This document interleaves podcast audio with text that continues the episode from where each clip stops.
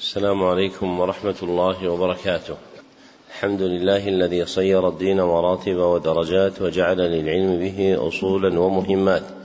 وأشهد أن لا إله إلا الله حقا وأشهد أن محمدا عبده ورسوله صدقا.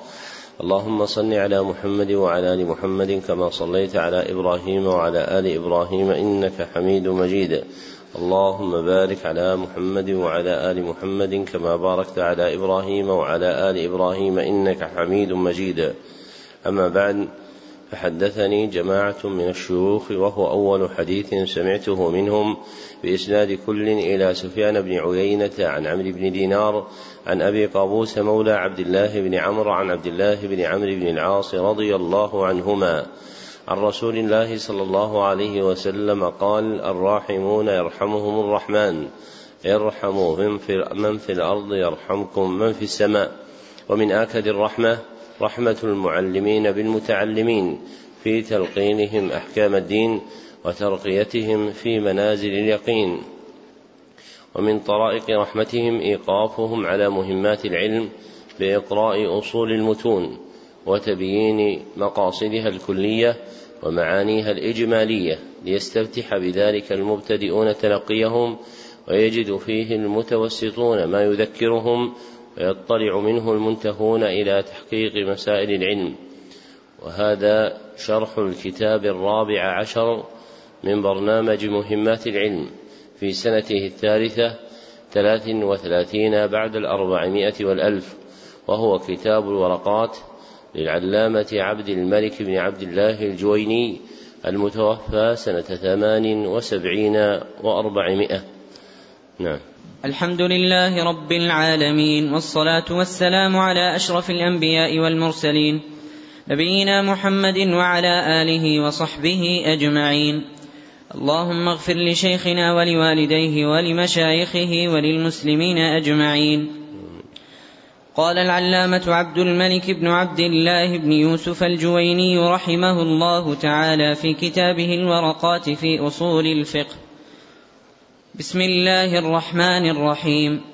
الحمد لله رب العالمين وصلى الله على سيدنا محمد وآله وصحبه أجمعين. وبعد فهذه ورقات تشتمل على معرفة فصول من أصول الفقه. وهو مؤلف من جزئين مفردين. أحدهما الأصول والآخر الفقه. فالأصل ما ينبني عليه غيره والفرع ما يبنى على غيره. والفقه معرفة الأحكام الشرعية التي طريقها الاجتهاد. أشار المصنف رحمه الله أن هذه الورقات تشتمل على نبذة مختصرة من أصول الفقه، فقال: فهذه ورقات تشتمل على معرفة فصول من أصول الفقه، ثم عرف أصول الفقه فقال: وهو مؤلف من جزئين مفردين أحدهما الأصول والثاني الفقه. والجادة المسلوكة عند أهل العلم في المركبات الإضافية المؤلفة من مضاف ومضاف إليه أن يحل المفردان اللذان يتركب منهما ثم يعرف ثانية باعتبار الإضافة.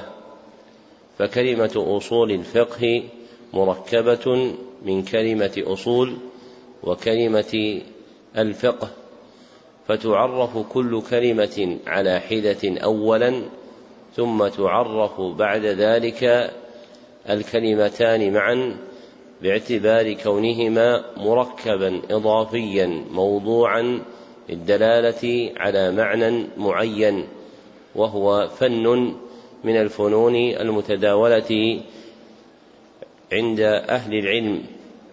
والقول في سائر المركبات الإضافية كالقول في المركب الإضافي المذكور. ولما ذكر المصنف رحمه الله تعالى حل هذا التركيب باعتبار مفرديه عرف هذين المفردين فعرف الأصل بقوله ما يبنى عليه غيره ثم عرف الفقه بقوله معرفة الأحكام الشرعية التي طريقها الاجتهاد إلى آخره. ثم ذكر رحمه الله تعالى تعريف الفرع. وفي وجه ذكره تعريف الفرع في هذا المقام قولان. أحدهما أنه أورده استطرادا فلما ذكر الأصل ذكر مقابله وهو الفرع لأن الفرع يجيء مقابلا للأصل في بعض معانيه. والآخر أن ذكره الفرع ليس استطرادا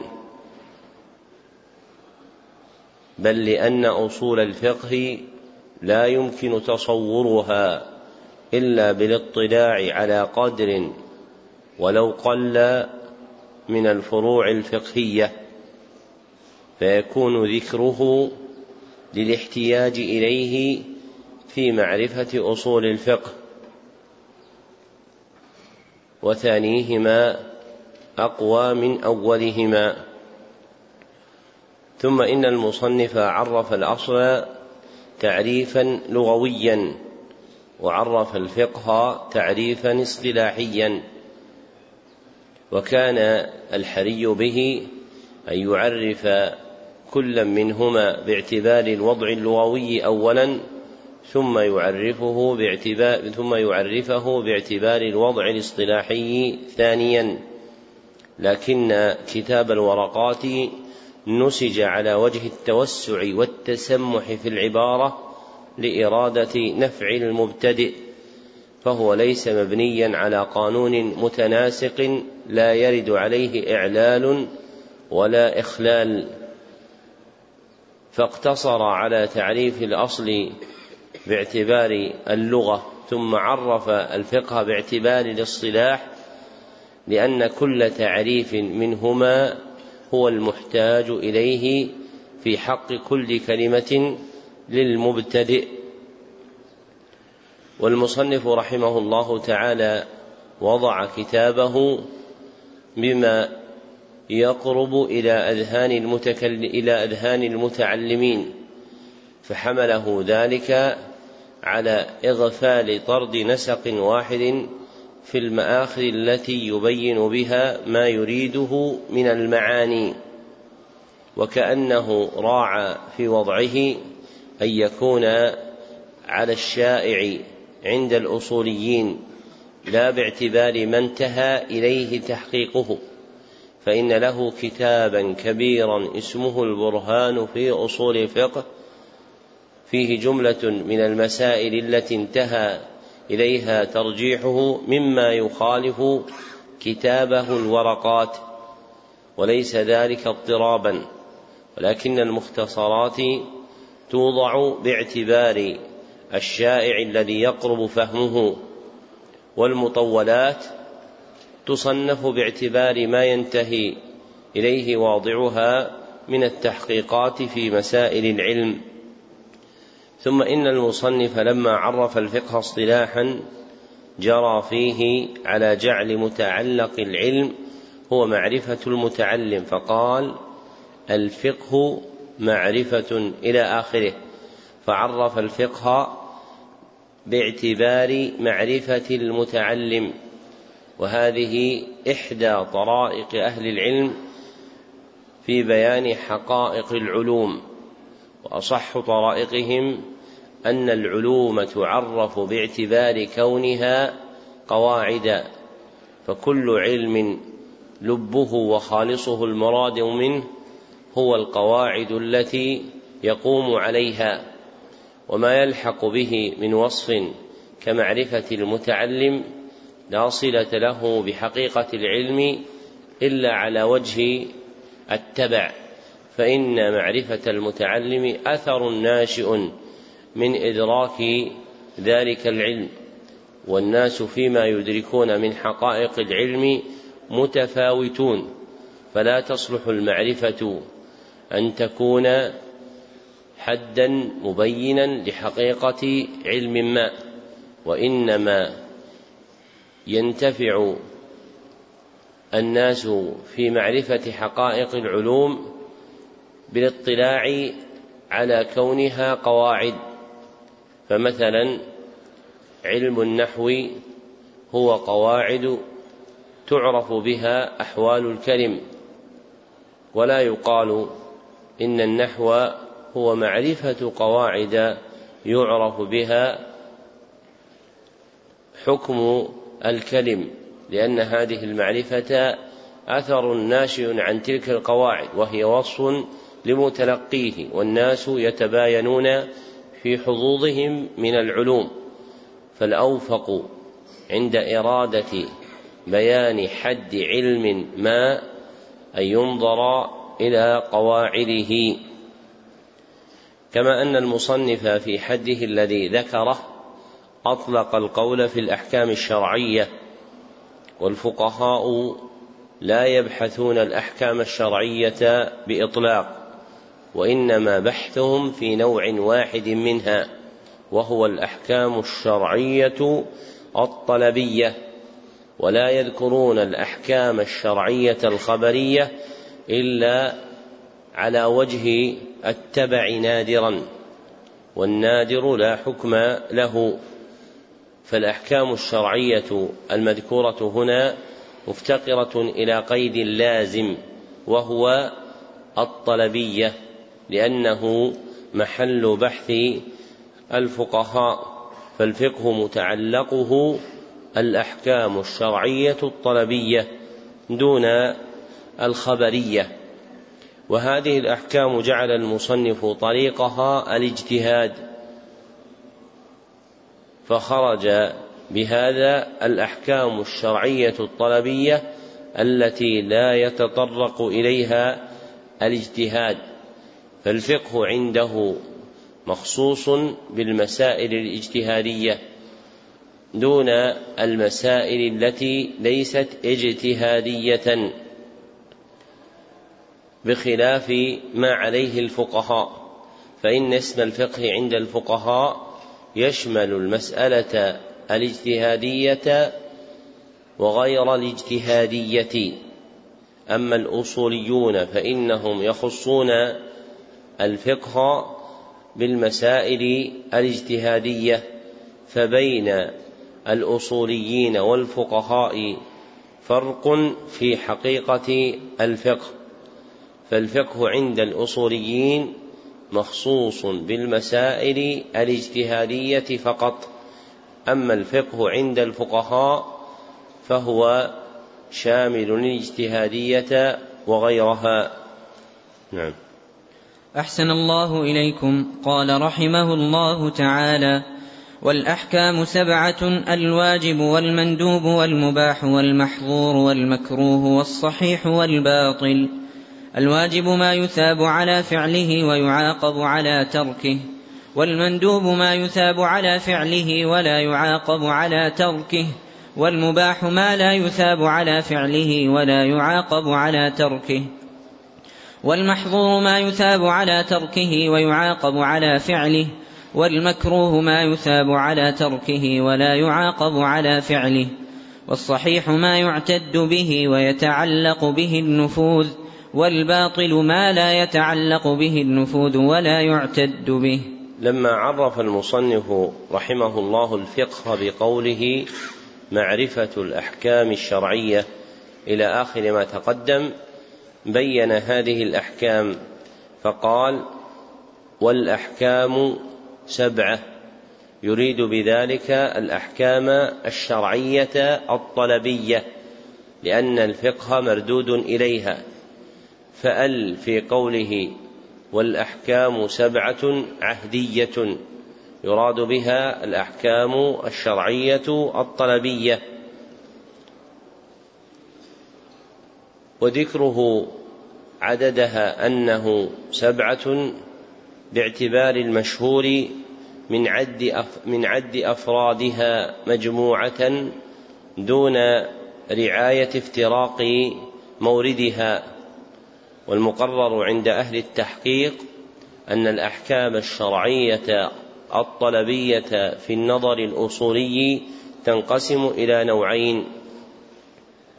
أحدهما الحكم التكليفي. والثاني الحكم الوضعي. فأما الحكم التكليفي فهو الخطاب الشرعي الطلبي المتعلق بفعل العبد اقتضاء أو تخييرا.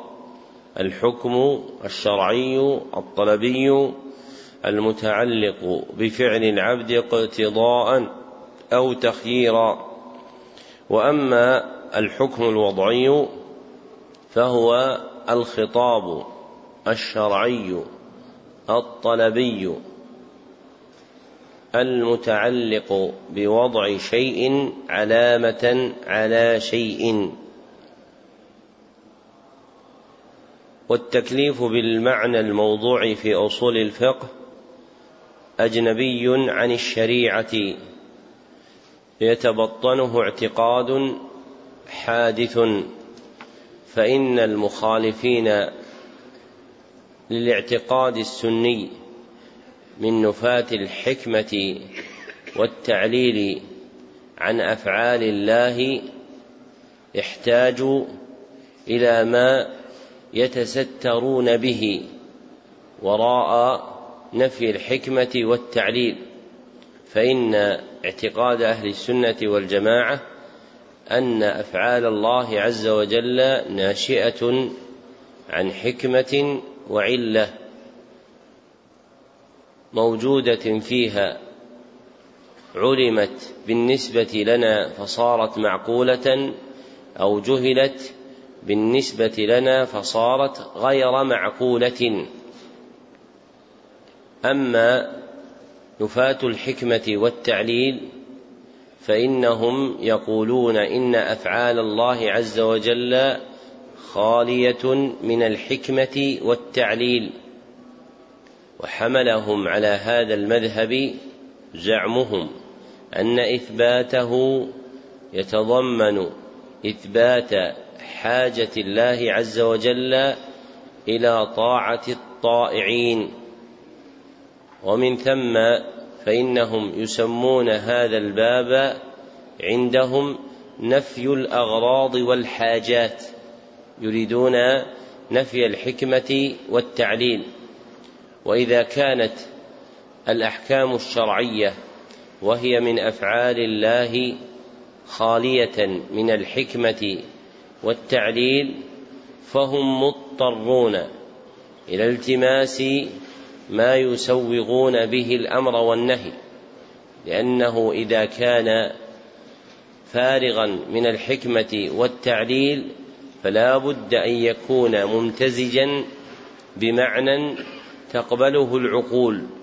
وهذا المعنى هو الذي سموه بالتكليف فقالوا إننا لم نؤمر بأمر ولم ننهى بنهي لحكمة وإنما وضعت هذه الأوامر والنواهي تكليفا أي طلبا للعبد بما فيه مشقة, مشقة عليه. فتولد هذا المصطلح وهو التكليف من القول بنفي أفعال الله بنفي الحكمة والتعليل عن أفعال الله سبحانه وتعالى. وجعلوا الأمر والنهي بمنزلة ما يطلب به العبد مشقة عليه وسموا التكليف وحد التكليف بقولهم هو ما فيه مشقة للعبد وما انتحلوه مباين للدلائل البينات من القرآن والسنة عموما وخصوصا. والأمر والنهي مشتملان على ما يورث القلوب طمأنينتها وسكينتها واللذة بها والأنس بأحكام الله سبحانه وتعالى. وممن صرح بإبطال وضع هذا اللفظ على المعنى المعروف عندهم في أصول الفقه أبو العباس بن تيمية الحفيد وتلميذه أبو عبد الله بن القيم رحمهما الله. فالحكم التكليفي منسوب إلى التكليف على الوجه الذي شرحته لك. وقد جعل ابن القيم في كلام له في مدارج السالكين أنواع الحكم التكليفي قواعد العبودية فتسميته بالحكم التعبدي أولى من تسميته بالحكم التكليفي. وهذان النوعان اللذان يرد إليهما الحكم وهما التكليفي والوضعي يتنوعان على أنواع عدة.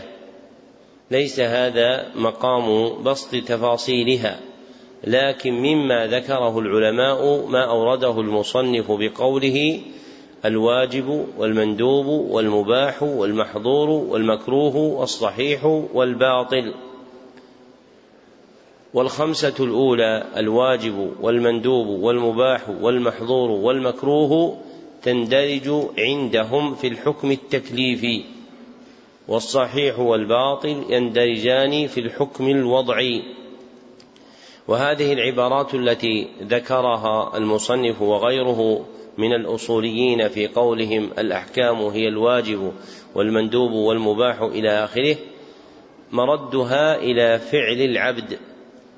فهي متعلق الحكم وليست الحكم نفسه لأن الحكم يتعلق بخطاب الشرع لا بفعل العبد. فالحكم في الأول هو الإيجاب ومتعلقه بالنظر إلى فعل العبد هو الواجب. والحكم في الثاني هو الندب ومتعلقه بالنظر إلى فعل العبد هو المندوب وقل في الثالث الإباحة وفي الرابع الحظر وفي الخامس الكراهة وفي السادس الصحة وفي السابع البطلان. فهذه هي الألقاب الموضوعة للدلالة على كون المذكورات أحكاما لله عز وجل. وأما الألفاظ التي ذكرها المصنف رحمه الله تعالى فهي موضوعة للدلالة على تلك الأحكام باعتبار تعلقها بالعبد وورود الأحكام ينظر فيه إلى كونها من الله سبحانه وتعالى لا إلى كونها متعلقة بفعل العبد. وجمهور ألفاظ الأصوليين في الدلالة على الأحكام الشرعية بعيد عن الألفاظ التي اختارها الشرع فالإيجاب ليس هو اللفظ الشرعي المختار للدلالة على مقصوده بل اللفظ الشرعي هو الفرض وعوض الندب وضعت وضعت الشريعة كلمة النفل وقد جاء في حديث إلهي واحد وهو وقد جاء مجموعين في حديث إلهي واحد وهو حديث أبي هريرة عند البخاري أن النبي صلى الله عليه وسلم قال فيما يرويه عن ربه تبارك وتعالى وما تقرب إلي عبدي بشيء أحب إلي مما افترضته عليه. ولا يزال عبدي يتقرب بالنوافل. فجعل الفرض والنفل دالين على ما يسميه الأصوليون بالإيجاب والندب.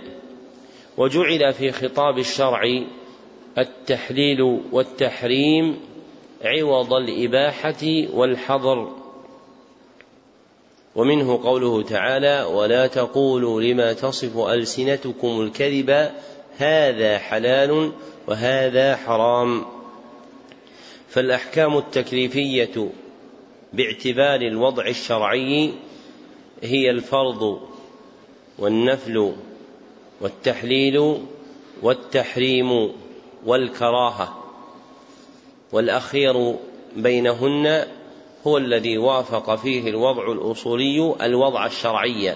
فإنها تقع في الشرع على هذا المعنى. ومنه قوله صلى الله عليه وسلم في حديث المهاجر بن قنفذ عند أبي داود وغيره إني كرهت أن أذكر الله إلا على طهارة وإسناده صحيح. وقد عرف المصنف الأحكام بحسب كونها متعلقة بفعل العبد. وهو كما سبق متعلق الحكم وليس الحكم نفسه. فقال الواجب ما يثاب على فعله ويعاقب على تركه والمندوب ما يثاب على فعله ولا يعاقب على تركه. وقوله في كل ما يثاب على فعله متعقب بأنه لا تلزم بأنه لا يلزم وجود الإثابة عند وجود الفعل. لا يلزم وجود الإثابة عند وجود الفعل بل ربما تخلفت الإثابة لمانع. ومنه ما في صحيح مسلم من حديث بعض أزواج النبي صلى الله عليه وسلم عنه صلى الله عليه وسلم أنه قال من أتى عرافا لم تقبل له صلاة أربعين ليلة فإن فاعل الصلاة يفعل فعلا يثاب عليه لكن تخلفت الإثابة لمانع. وكذا قوله في الواجب ويعاقب على تركه إذ لا يلزم من الترك وجود المعاقبة فإن الله عز وجل قد يغفر لمن يشاء ولا يعاقبه على ترك الواجب. وقال في تعريف مقابل الواجب وهو المحظور ومقابل المندوب وهو المكروه قال والمحظور ما يثاب على تركه ويعاقب على فعله والمكروه ما يثاب على تركه ولا يعاقب على فعله ويرد على قوله في كل ما يثاب على تركه أنه لا يلزم وجود الإثابة عند وجود الترك بل ربما تخلفت لمانع.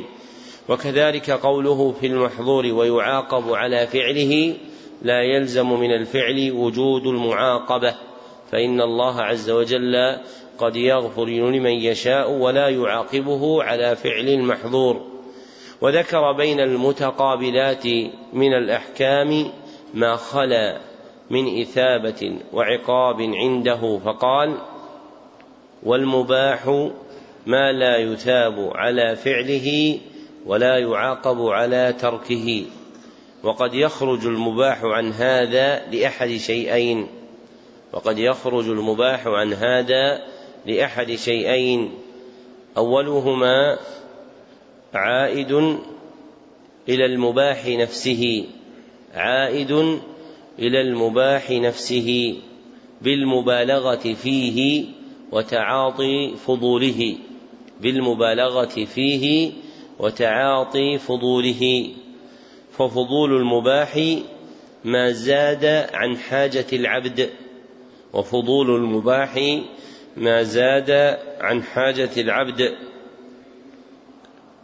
وفي تعاطي فضول المباح لا يقال لا يثاب على فعله ولا يعاقب على تركه بل فضول المباح منهي عنها. لما تنتجه من إضعاف العبودية لما تنتجه من إضعاف العبودية وصرف القلب عن مقصود المباح إلى ما ليس مقصودا للشرع فيه وصرف القلب عن مقصود المباح إلى ما ليس مقصودا للشرع فيه.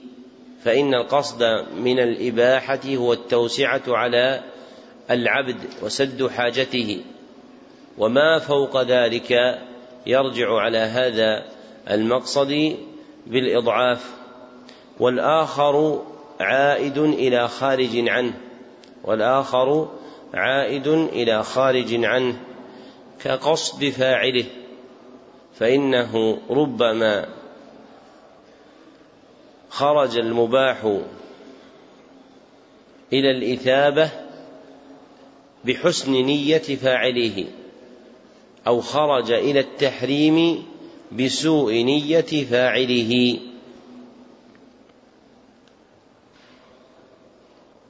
وبقي من الأحكام السبعة التي ذكرها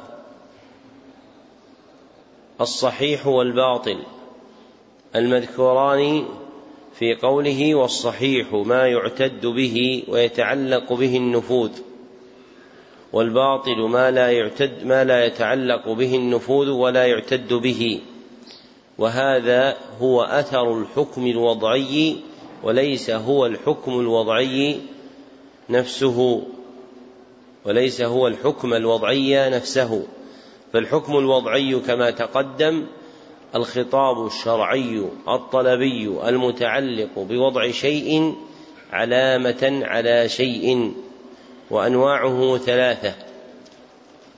وضع شرط ووضع سبب ووضع مانع.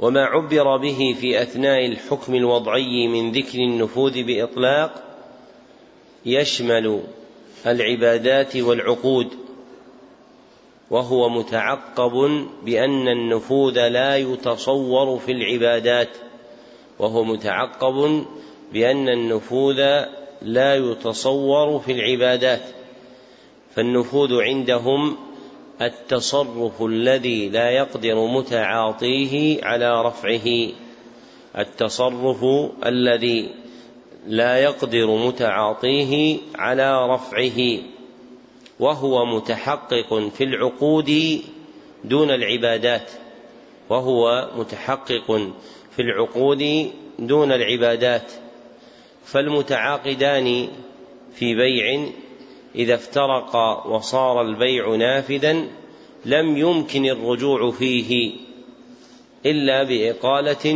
من المشتري. وأما العبادة فلا يقال إن وقوع الفعل من العبد لا يمكن معه تخلف جزائه من الله.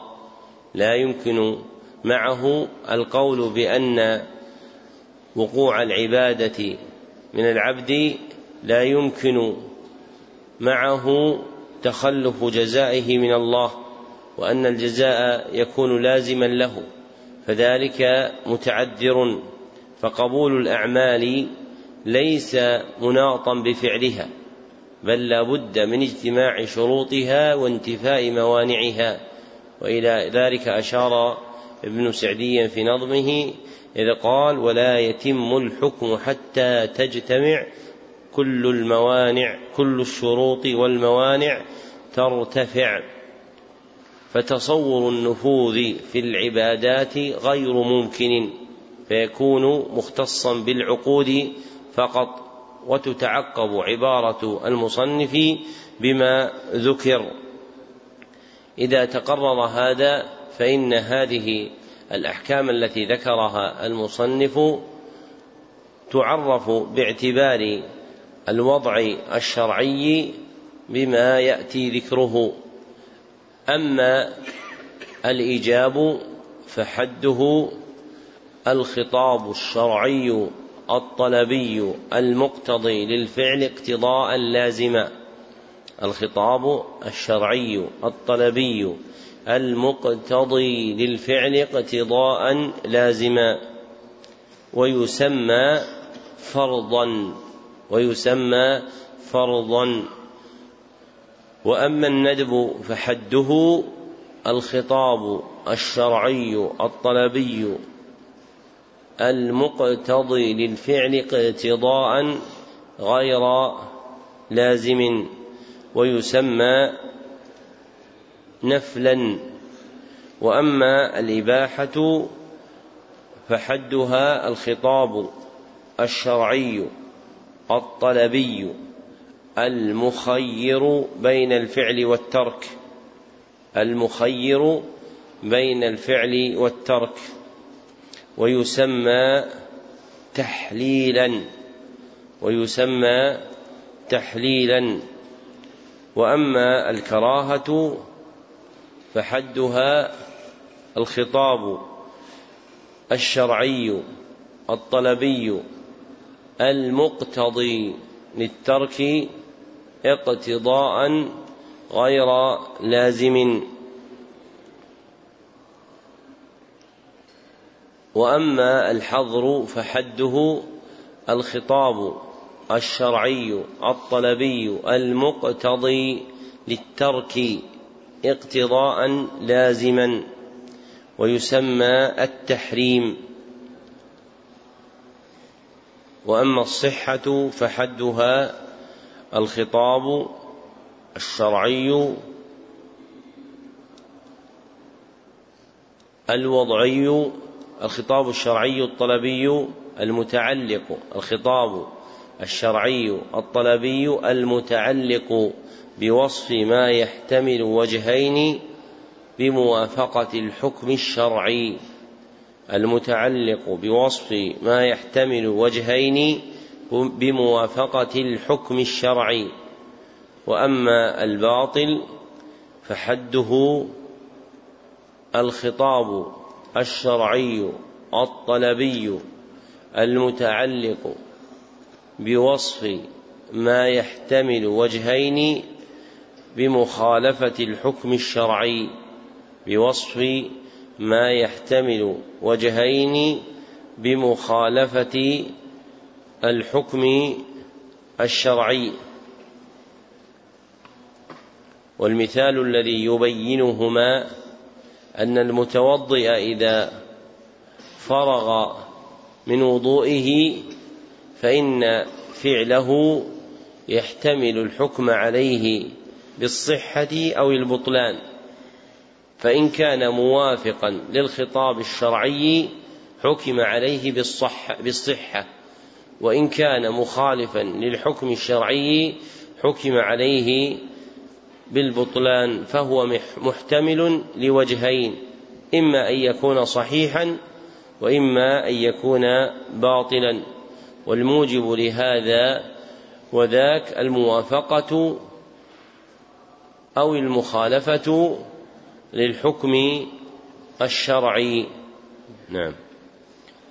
أحسن الله إليكم قال رحمه الله تعالى والفقه أخص من العلم والعلم معرفة المعلوم على ما هو به في الواقع والجهل تصور الشيء على خلاف ما هو به في الواقع والعلم الضروري ما لم يقع عن نظر واستدلال كالعلم الواقع بإحدى الحواس الخمس التي هي السمع والبصر والشم والذوق واللمس أو التواتر. وأما العلم المكتسب فهو الموقوف على النظر والاستدلال والنظر هو الفكر في حال المنظور فيه. والاستدلال طلب الدليل والدليل هو المرشد إلى المطلوب أنه علامة عليه. والظن تجويز أمرين أحدهما أظهر من الآخر والشك تجويز أمرين لا مزية لأحدهما على الآخر.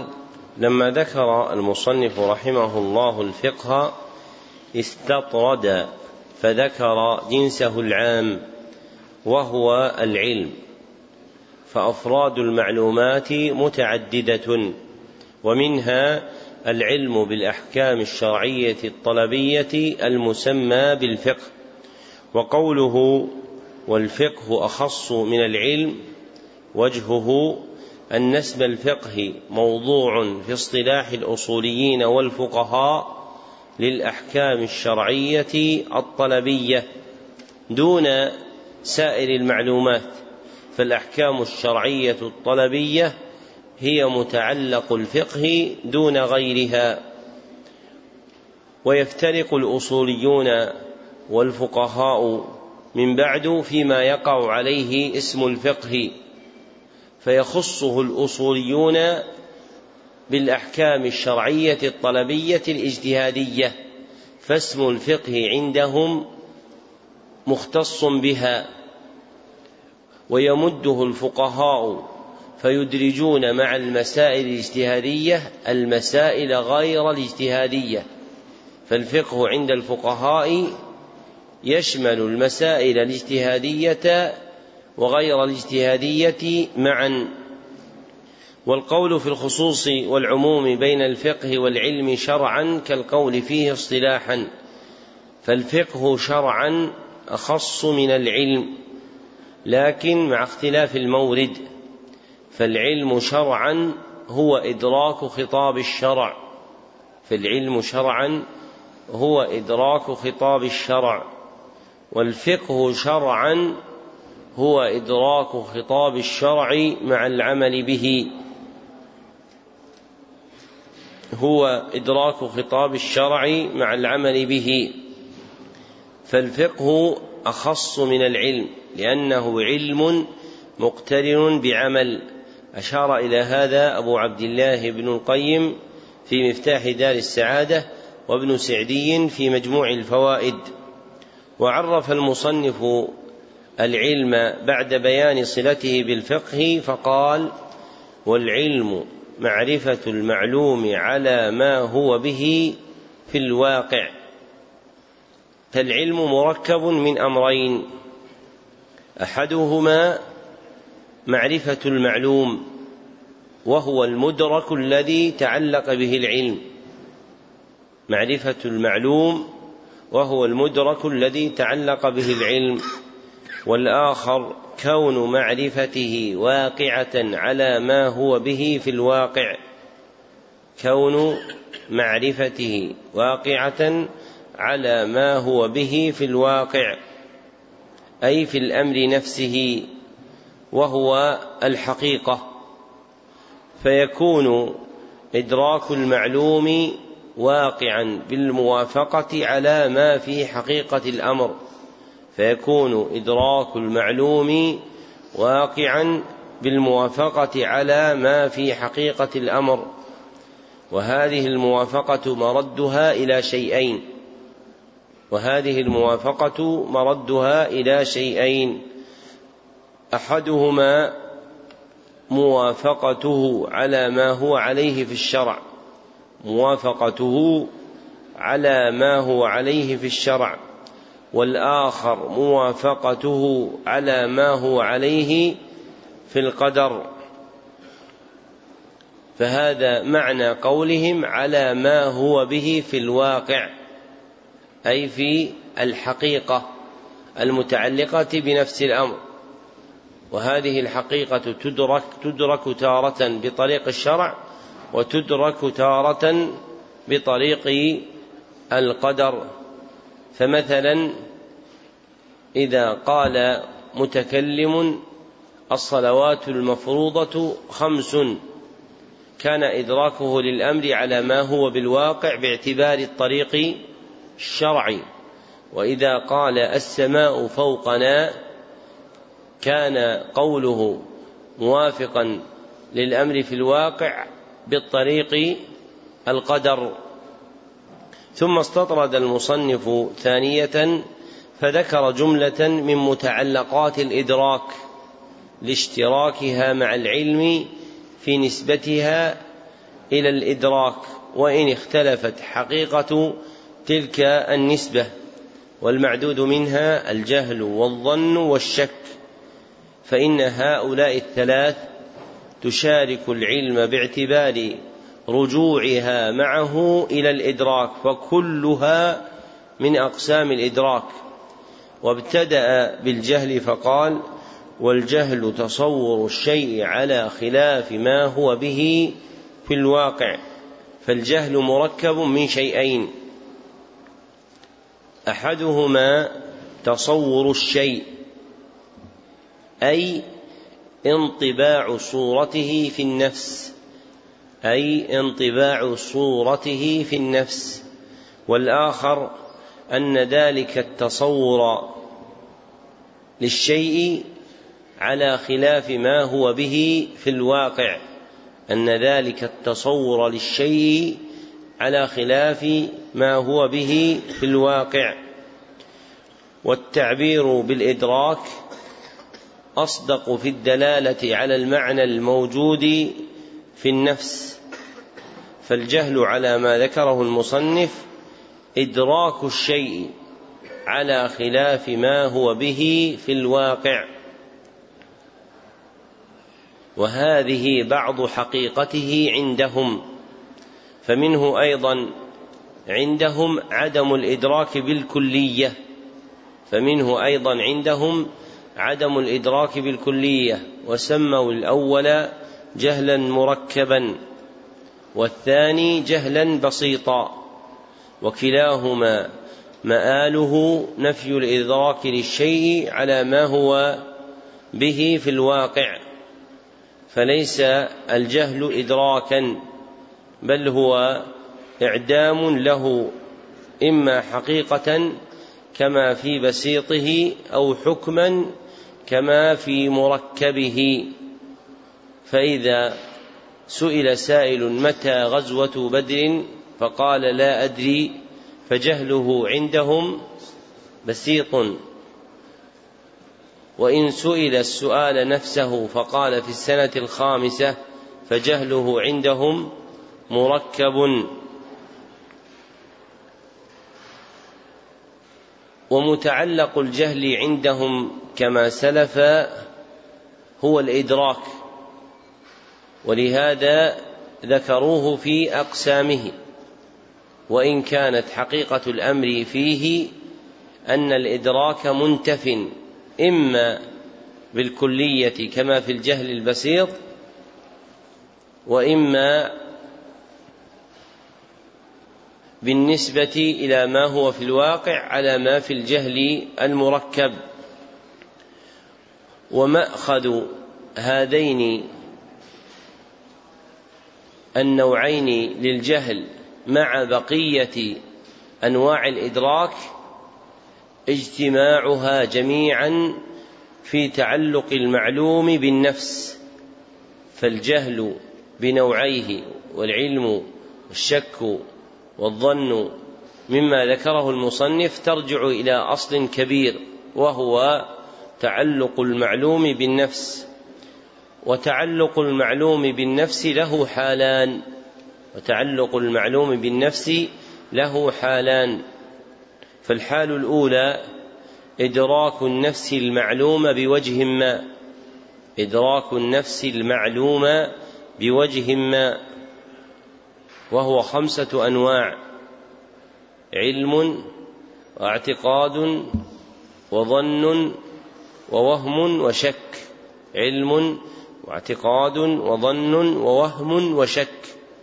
والأخرى عدم إدراكها المعلوم عدم إدراكها المعلوم. وهو عندهم الجهل وهو عندهم الجهل. فحقيقة الجهل عدم الإدراك. وقد يقترن به إدراك متخيل لا حقيقة له. وقد يقترن به إدراك متخيل لا حقيقة له. متى؟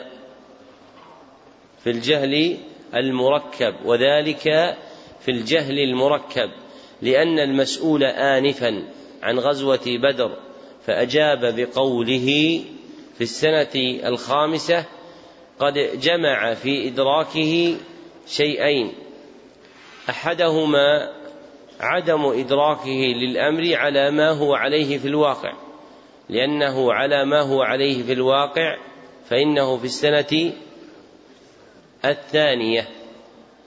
والآخر أنه وجد عنده إدراك متخيل وهو كونه في السنة الخامسة.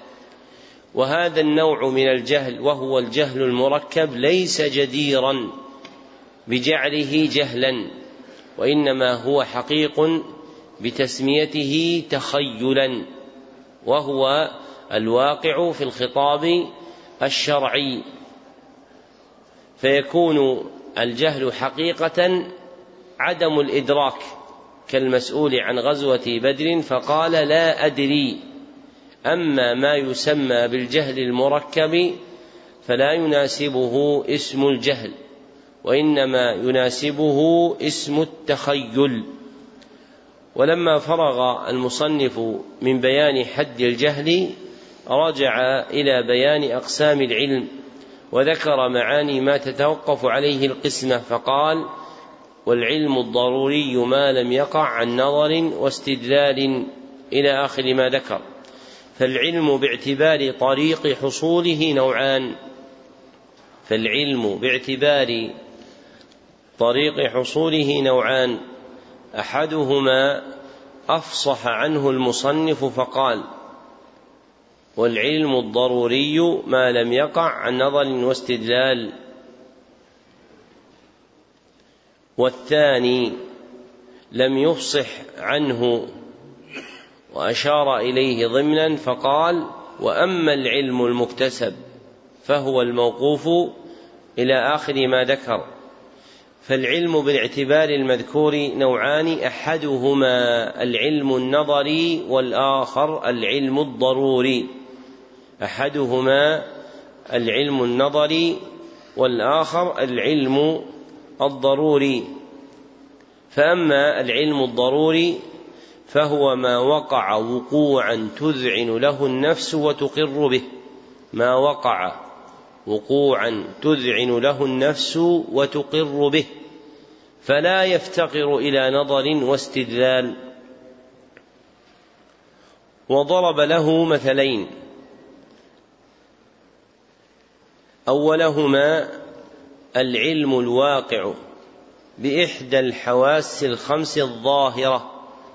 العلم الواقع بإحدى الحواس الخمس الظاهرة التي هي السمع والبصر والشم والذوق واللمس. وثانيهما العلم الواقع بالتواتر. وأما العلم النظري فهو العلم الموقوف على النظر والاستدلال. العلم الموقوف على النظر والاستدلال فهو مفتقر إليهما ناتج عنهما. ومن ثم عرف المصنف النظر وأتبعه بتعريف الاستدلال والدليل فقال والنظر هو الفكر في حال المنظور فيه إلى آخره وحده الذي ذكر يعاب عندهم بكونه مشتملا على الدور والدور وصف للتعريف إذا أعيد فيه ما يتعلق بالمعرف اشتقاقا وصف للتعريف إذا أعيد فيه ما يتعلق بالمعرف اشتقاقا. فقوله في التعريف المنظور يرجع إلى المعرف وهو النظر والمختار أن النظر هو حركة النفس لتحصيل الإدراك. حركة النفس لتحصيل الإدراك أي التفكير فيما يطلب إدراكه أي التفكير فيما يطلب إدراكه. وأما حد الاستدلال الذي ذكره وهو طلب الصحيح وهو طلب الدليل فصحيح.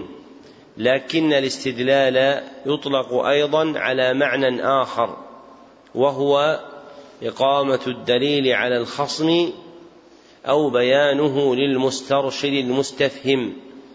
إقامة الدليل على الخصم أو بيانه للمسترشد المستفهم.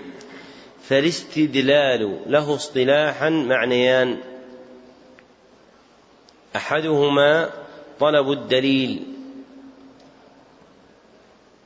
والآخر إقامة الدليل على الخصم أو بيانه للمسترشد المستفهم. فالاستدلال له تعلق بالدليل من جهتين. فالاستدلال له تعلق بالدليل من جهتين. إحداهما طلبه والتماسه. طلبه والتماسه. والأخرى إقامته وبيانه. إقامته وبيانه. وأما حد الدليل الذي ذكره بقوله وهو المرشد إلى المطلوب وعلله بكونه علامة عليه أي على المعلوم فلا يخلص منه إلى الحقيقة الاصطلاحية. والمختار أن الدليل اصطلاحا هو ما يمكن التوصل بصحيح النظر فيه إلى مطلوب خبري. ما يمكن التوصل بصحيح النظر فيه إلى مطلوب خبري أي تصديقي. ثم رجع المصنف إلى بيان نوعين من أنواع الإدراك هما الظن والشك فقال والظن تجويز أمرين أحدهما أظهر من الآخر والشك تجويز أمرين لا مزية لأحدهما على الآخر. وبقي من أقسام الإدراك سوى ما تقدم نوعان أيضا. أحدهما الوهم وهو مقابل الظن. فالظن تجويز أمرين أحدهما أظهر من الآخر فالظن تجويز أمرين أحدهما أظهر من الآخر. فالراجح ظن والمرجوح وهم. فالراجح ظن والمرجوح وهم. أي توهم تتصور فيه النفس الأمر على حال مرجوحة. أي توهم تتصور فيه النفس الأمر على حال مرجوحة. وهو بسكون الهاء. بخلاف الوهم محركة فإنه الغلط وزنا ومعنى. وأما النوع الآخر المتروك من مراتب الإدراك فهو الاعتقاد. وقل ذكره في كلام الأصوليين بالنسبة للأنواع السابقة وقل ذكره. عند الأصوليين بالنسبة للأنواع السابقة. لماذا؟ لماذا يأتون يعرفون الإدراك يذكرون أقسام الإدراك ويهملون الاعتقاد؟ ولو ذكروه أهملوا حده. لماذا؟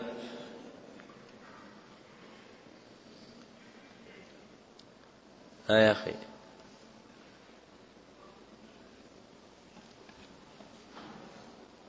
أحسنت. يقول الأخ لأن الاعتقاد يتعلق بالحكم الشرعي الخبري. أنت حضرت فيما سلف هنا. ما حضرت؟ طيب. يقول الأخ لأن الإدراك لأن الاعتقاد يتعلق بالحكم الشرعي الخبري والأصوليون يبحثون الحكم الشرعي الطلبي فلضعف تعلقه بمقصودهم أهملوه. فلضعف تعلقه بمقصودهم أهملوه.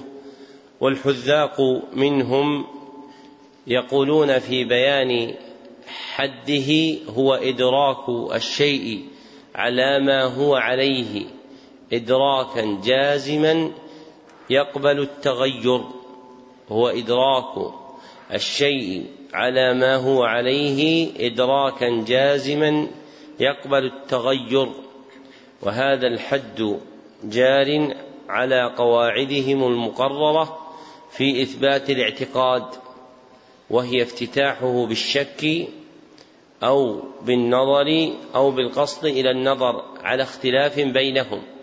فلما كان الاعتقاد مبنيا على مقدمات مشهورة عندهم جعلوه قابلا للتغير. أما على طريقة أهل السنة والحديث فإنه لا يقبل التغير لأن مأخذه عند هؤلاء الأدلة الكونية ومأخذه عند أهل السنة والجماعة الأدلة الشرعية. واضح الفرق؟ مأخذه عند هؤلاء الأدلة الكونية. وقد ينشأ من تجدد الاعتقاد وتغيره بحسب النظر فيها ما يحدث. أما أهل السنة فالنظر عندهم في الاعتقاد إلى الأدلة الشرعية. ومن المصنفين بأخرة في الاعتقاد من يذكر هذا التعريف ولا يعي ما ينطوي عليه من كونه مخالفا لعقيدة أهل السنة والجماعة. نعم. أحسن الله إليكم. قال رحمه الله تعالى وأصول الفقه طرقه على سبيل الإجمال وكيفية الاستدلال بها. وأبواب أصول الفقه أقسام الكلام والأمر والنهي والعام والخاص والمجمل والمبين والظاهر والمؤول والأفعال والناسخ والمنسوخ والإجماع والأخبار والقياس والحظر والإباحة وترتيب الأدلة وصفة المفتي والمستفتي وأحكام المجتهدين. لما فرغ المصنف رحمه الله من تعريف أصول الفقه باعتبار مفرديه وما لحقه من استطراد أتبعه بتعريف أصول الفقه باعتبار كونه لقبا لجملة من المسائل فعرفه بقوله طرقه على سبيل الإجمال إلى آخر ما ذكر. والعلوم كما تقدمت تعرف بالنظر إلى كونها إيش؟ قواعد. فيقال على ما ذكره المصنف أصول الفقه قواعده الإجمالية. وما بعدها وهو كيفية الاستدلال فضلة لا مدخل لها في الحد.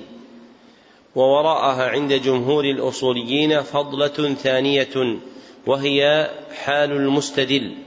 فإنهم إذا ذكروا أصول الفقه قالوا وكيفية الاستدلال وحال المستدل. وهاتان الجملتان فضلتان لأنهما لا تعلق لهما ببيان حقيقة أصول الفقه. ومرادهم بكيفية الاستدلال طرق الفقه من حيث تعيينها وتعلقها بحكم معين وتعارضها طرق الفقه باعتبار من حيث تعيينها وتعلقها بحكم معين وتعارضها كالحكم بالخاص على العام والمقيد على المطلق ومرادهم بحال المستدل أي صفاته وهو المجتهد أي صفاته وهو المجتهد. فهذه الأمور الثلاثة القواعد الإجمالية وكيفية الاستدلال وحال المستدل هي جماع أصول الفقه لتوقفه عليها عند جمهور الأصوليين. والموافق للنظر الصحيح هو الاقتصار على كون أصول الفقه هي قواعد قواعد الفقه الإجمالية لأن المراد في علم ما هو قواعده الإجمالية لا عوارضه الخارجية التي لا تعلق لها بحقيقة القواعد. لكن قواعده الإجمالية كما أطلقه المصنف مما لا يبين متعلقه. فيختص فتعم ما يختص بالفقه وغيره. وهذا التوهم عندهم مدفوع بالفضلتين المذكورتين في الحد لأنهما تدلان على متعلق القواعد وهو الاستدلال. فكأن تقدير القول أصول الفقه قواعده الإجمالية التي يستدل بها. ومع حسن هذا المأخذ إلا أنه يبقى مفتقرا إلى زيادة لازمة وهي الأحكام الشرعية الطلبية. فيقال أصول الفقه هي قواعده الإجمالية التي يستدل بها على الأحكام الشرعية الطلبية. أصول الفقه هي قواعده الإجمالية التي يستدل بها على الأحكام الشرعية الطلبية. وهذا الحد هو على طريقة الفقهاء. وهذا الحد هو على طريقة الفقهاء لأن الأصوليين يخصون الفقه كما تقدم بالمسائل الاجتهادية ولا يشمل عندهم جميع أفراد مسائل الفقه. فيزاد فيه على طريقتهم المكتسبة من أدلتها التفصيلية. المكتسبة من أدلتها التفصيلية ويغني عنها وصفها بالاجتهادية. وهذا الحد المتلخص من طريقتهم على المترجح فيه طول. واختصاره أن يقال أصول الفقه اصطلاحا هي القواعد التي يعرف بها الحكم الشرعي الطلبي الاجتهادي. أصول الفقه هي القواعد التي يعرف بها الحكم الشرعي الطلبي الاجتهادي. وإذا أريد جعله على طريقة الفقهاء لم يحتج إلى قيد الاجتهاد. لماذا؟ لأن الفقه عندهم يعم الاجتهادية وغيره فلا يحتاج إليه. وطريقة الفقهاء في حقيقة أصول الفقه أكمل مما قصره عليه الأصوليون. لأن هذه القواعد يحتاج إليها في بيان المسائل الاجتهادية من جهة الترجيح. رحمك الله. يحتاج إليها في المسائل الاجتهادية من جهة الترجيح وفي المسائل غير الاجتهادية من جهة بيان كيفية وقوع الحكم. وفي المسائل غير الاجتهادية من جهة بيان الحكم. فمثلا الصلاة الصلوات الخمس مكتوبة على العبد. والدليل قوله تعالى أقم الصلاة لدلوك الشمس إلى تمام الآية. ووجه كونه كون الصلوات واجبة من هذه الآية هو الأمر فيها في قوله فأقم والأمر للوجوب. وهنا استعملنا القواعد الأصولية للوصول إلى الترجيح أم لبيان كيفية الحكم؟ لبيان كيفية الحكم. فيحتاج إليها في بيان كيفية الحكم كما يحتاج إليها في الترجيح في المسائل الاجتهادية والأصوليون يخصون الحاجة إليها بإيش؟ بالترجيح فقط لأن محلها عندهم هي المسائل الاجتهادية وطريقة الفقهاء أولى وأبواب أصول الفقه كثيرة ساق المصنف منها جملة وهي أكثر من ذلك لكنه أراد بما ذكر الإشارة إلى الفصول التي أوردها في هذا المختصر وهي من مهماتها. نعم. أحسن الله إليكم. قال رحمه الله تعالى فأما أقسام الكلام فأقل ما يتركب منه الكلام اسمان أو اسم وفعل أو اسم وحرف أو فعل وحرف. والكلام ينقسم إلى أمر ونهي وخبر واستخبار وينقسم أيضا إلى تمن وعرض وقسم ومن وجه آخر ينقسم إلى حقيقة ومجاز. فالحقيقة ما بقي في الاستعمال على موضوعه وقيل ما استعمل فيما اصطلح عليه من المخاطبة والمجاز ما تجوز به عن موضوعه. والحقيقة إما لغوية وإما شرعية وإما عرفية والمجاز إما أن يكون بزيادة أو نقصان أو نقل أو استعارة فالمجاز بالزيادة مثل قوله تعالى ليس كمثله شيء وهو السميع البصير والمجاز بالنقصان مثل قوله تعالى واسأل القرية والمجاز بالنقل كالغائط فيما يخرج من الإنسان. والمجاز بالاستعارة كقوله تعالى جدارا يريد أن ينقض. ذكر المصنف رحمه الله هنا أقسام الكلام لأن خطاب الشرع مرده إلى الكلام فإن الله أوحى أوحى فإن الله أوحاه إلى رسوله صلى الله عليه وسلم فنقله إلينا. ومنه ما هو كلامه تعالى وهو القرآن ومنه ما هو كلامه صلى الله عليه وسلم وهو حديثه. فمراعاة لهذا المعنى ذكر المصنف وغيره من الأصوليين هذه النبذة من متعلقات الكلام فقسم الكلام بثلاثة اعتبارات. أولها تقسيم الكلام باعتبار ما يتركب منه. أقسام الكلام تقسيم الكلام باعتبار ما يتركب منه. وهو المذكور في قوله فأقل ما يتركب منه الكلام اسمان أو اسم وفعل أو اسم وحرف أو فعل وحرف. فمثال تركبه من اسمين قوله صلى الله عليه وسلم الدين النصيحة رواه مسلم.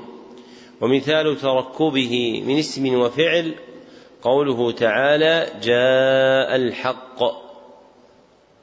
ومثال تركبه من اسم وحرف يا الله. قولك يا الله. ومثال تركبه من فعل وحرف قولك ما قام. والتحقيق أن النوعين الأخيرين يدخلهما التقدير بما يؤول إلى الأولين والتحقيق أن النوعين الأخيرين يدخلهما التقدير بما يؤول إلى الأولين. فالمختار أن الكلام يتركب من اسمين أو اسم وفعل. أن الكلام يتركب من اسمين أو اسم وفعل. وما خرج عنهما فيؤول بما يرجع إليهما. والثاني تقسيم الكلام باعتبار مدلوله. تقسيم الكلام باعتبار مدلوله وهو معناه وهو المذكور في قوله والكلام ينقسم إلى أمر ونهي وخبر واستخبار وينقسم أيضا إلى تمن وعرض وقسم. والذي عليه المحققون أن الكلام باعتبار مدلوله ينقسم إلى نوعين أحدهما الخبر والآخر الإنشاء. فأما الخبر فهو عندهم ما يحتمل الصدق والكذب لذاته. ما يحتمل الصدق والكذب لذاته. وأما الإنشاء فما لا يحتمل الصدق والكذب فما لا يحتمل الصدق والكذب. قال الأخضري في السلم ما احتمل الصدق لذاته جرى لديهم قضية أو بينهم قضية وخبر وضاق نظمه عن ذكر الكذب كما صرح هو وغيره في شرحه.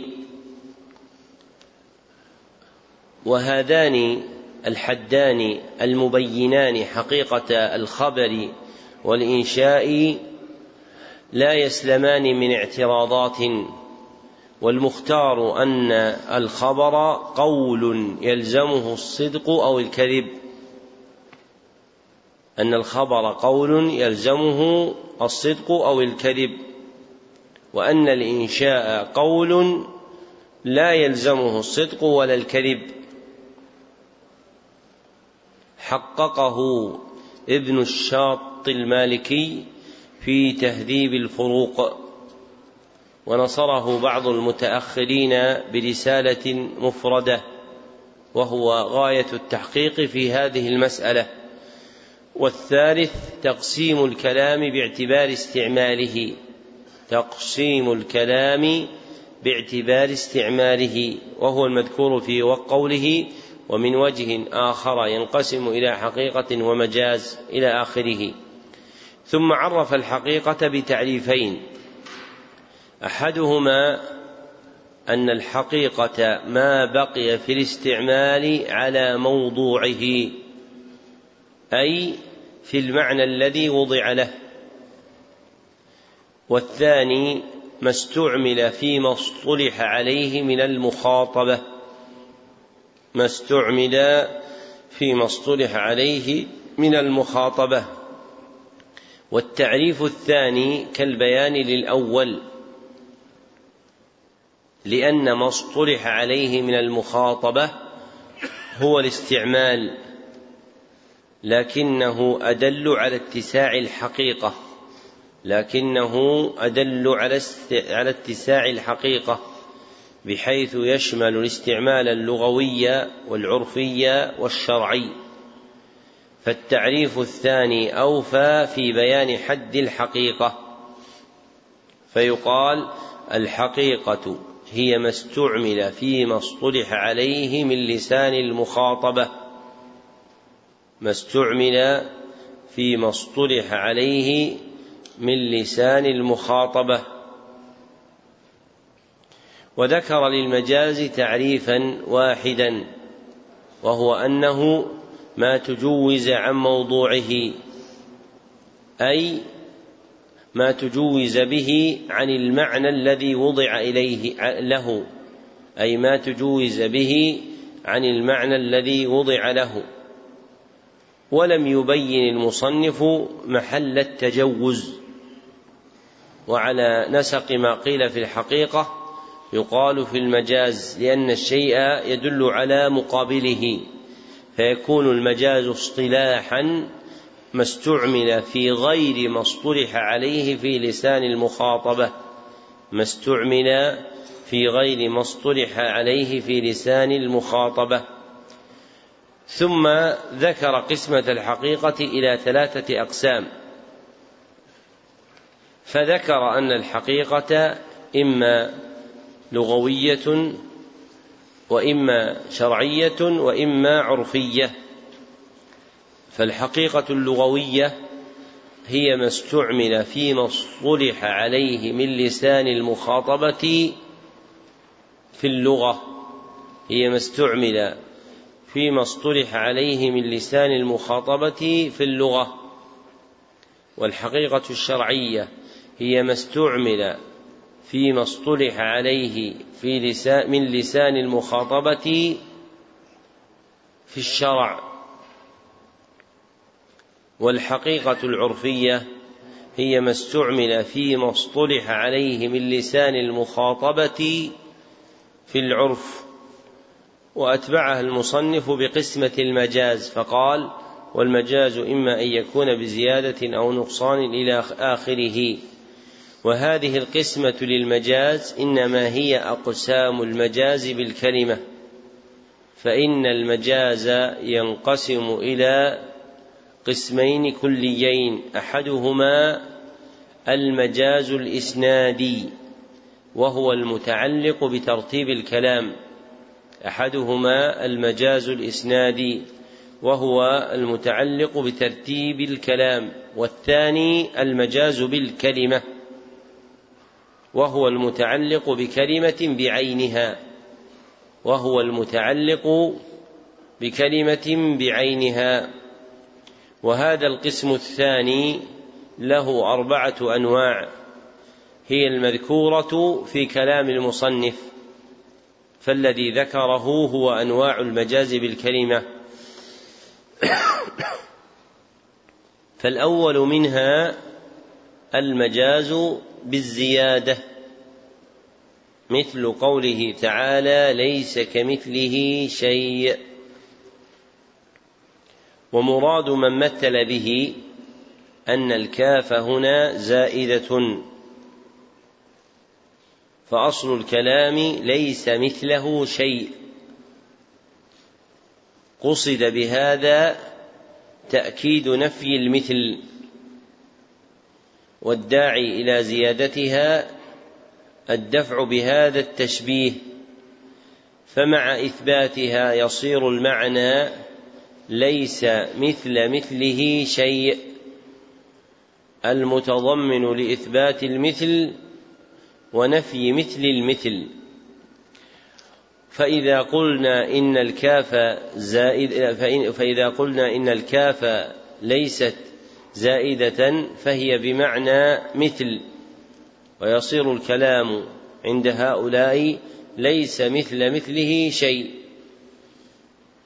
والمختار العدول عن استعمال التعبير بالزيادة في كلام الله تعالى. بينه جماعة من المحققين كالزركشي في البرهان وابن هشام في الإعراب عن قواعد الإعراب. فكل ما في القرآن أصل لا يسلط عليه وصف الزيادة. وما توهم من إيهام التشبيه يدفعه القول بأن الكاف في الآية صلة لتأكيد النفي لا بمعنى المثل. حققه أبو حيان الأندلسي في تفسيره فجيء بها صلة لتأكيد النفي المذكور فيها. فمعنى الآية ليس مثله شيء على وجه تأكيد هذا المعنى على وجه توكيد هذا المعنى وتقويته. وثانيها المجاز بالنقصان مثل قوله تعالى واسأل القرية والمراد بالنقصان الحذف فتقدير الكلام واسأل أهل القرية فحذف المضاف وأبقي المضاف إليه. نص عليه البخاري في موضعين من صحيحه. وكثير من العلماء لا يسمون هذين النوعين مجازا. يعني المجاز بالزيادة والنقصان وثالثها المجاز بالنقل كجعل الغائط اسما لما يخرج من الإنسان. والمراد بالنقل نقل اللفظ من معناه اللغوي إلى معنى آخر فالغائط هو المطمئن الواسع من الأرض. ثم أطلق على الخارج المستقدر من الإنسان كراهة تسميته باسمه الخاص لأنهم كانوا يقضون حوائجهم في المواضع المطمئنة الواسعة من الأرض فجعلوا اسم الموضع الذي يقصدونه اسما للخارج. ورابعها المجاز بالاستعارة كقوله تعالى جدارا يريد أن ينقض وهو المنطوي على تشبيه فمجاز الاستعارة لا بد أن يكون متضمنا التشبيه. ففي الآية ذكر ميل الجدار إلى السقوط بإرادته فكأنه يريد أن ينقض. والإرادة من صفات الحي ثم استعير اللفظ الدال على المشبه به للمشبه.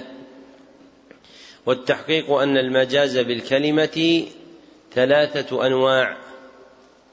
أن المجاز بالكلمة ثلاثة أنواع. هي المجاز بالزيادة والمجاز بالحذف ويسمى النقصان والمجاز بالاستعارة.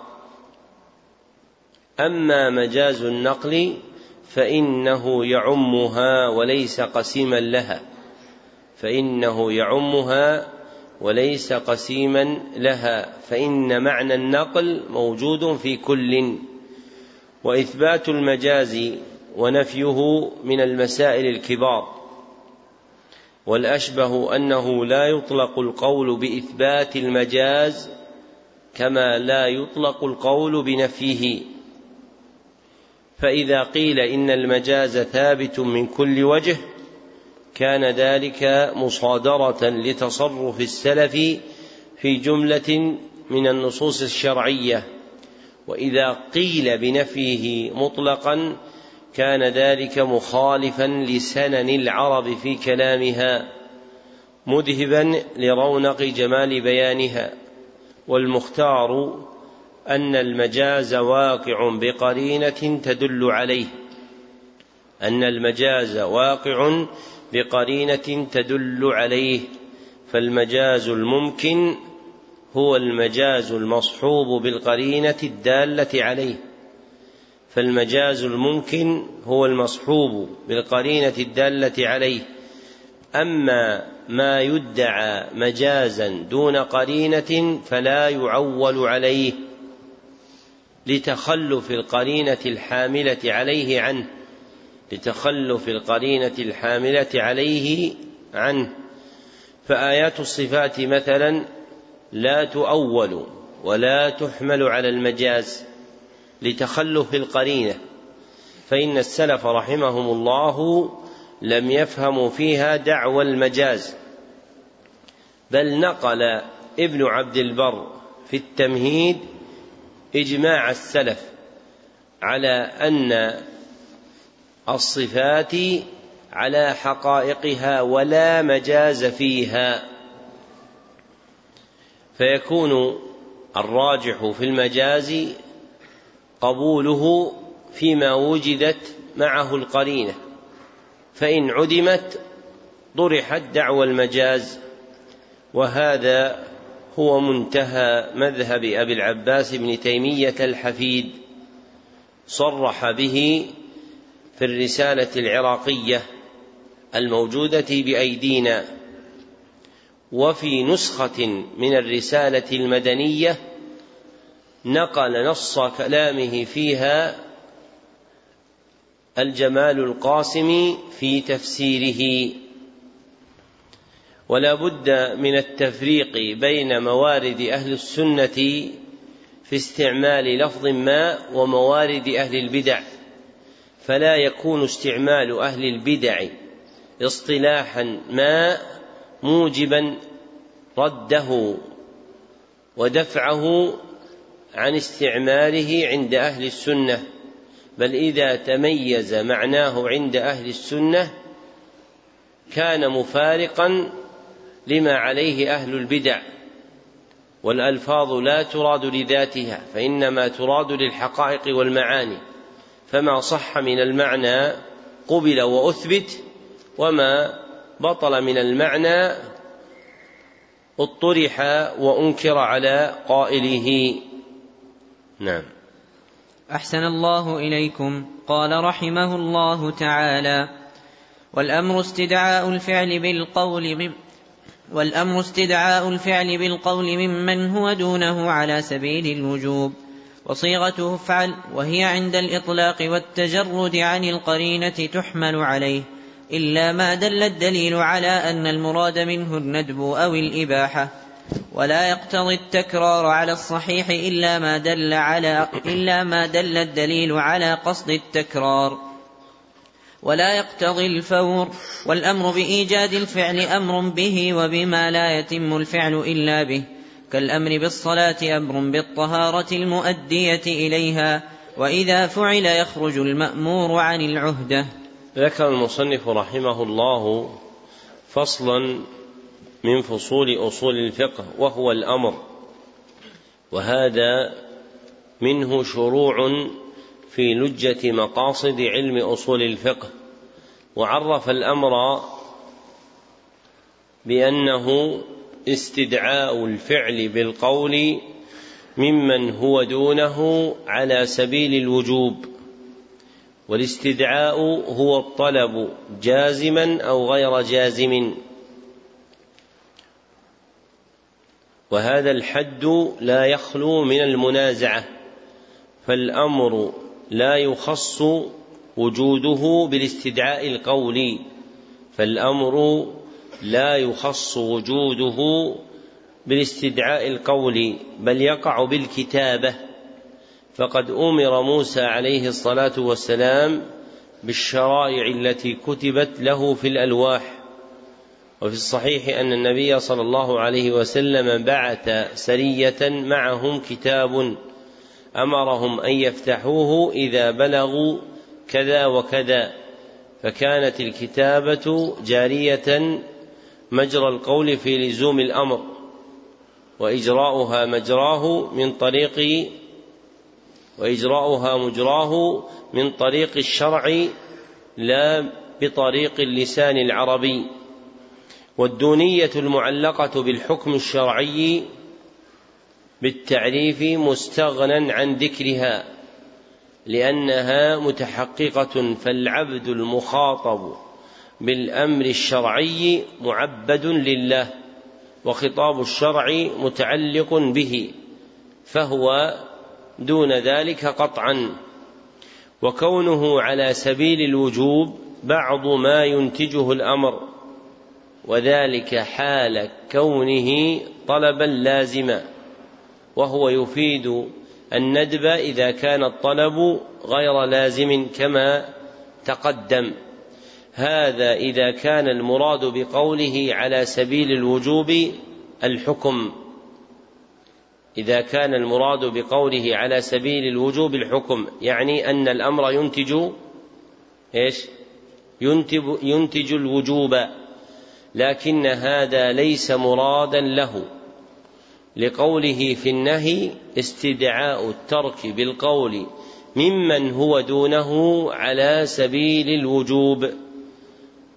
فلا يمكن أن يكون المراد به هو الحكم لأنه إن تصور في الأمر لم يمكن تصوره في النهي فالأمر لا يدل بنفسه على الوجوب.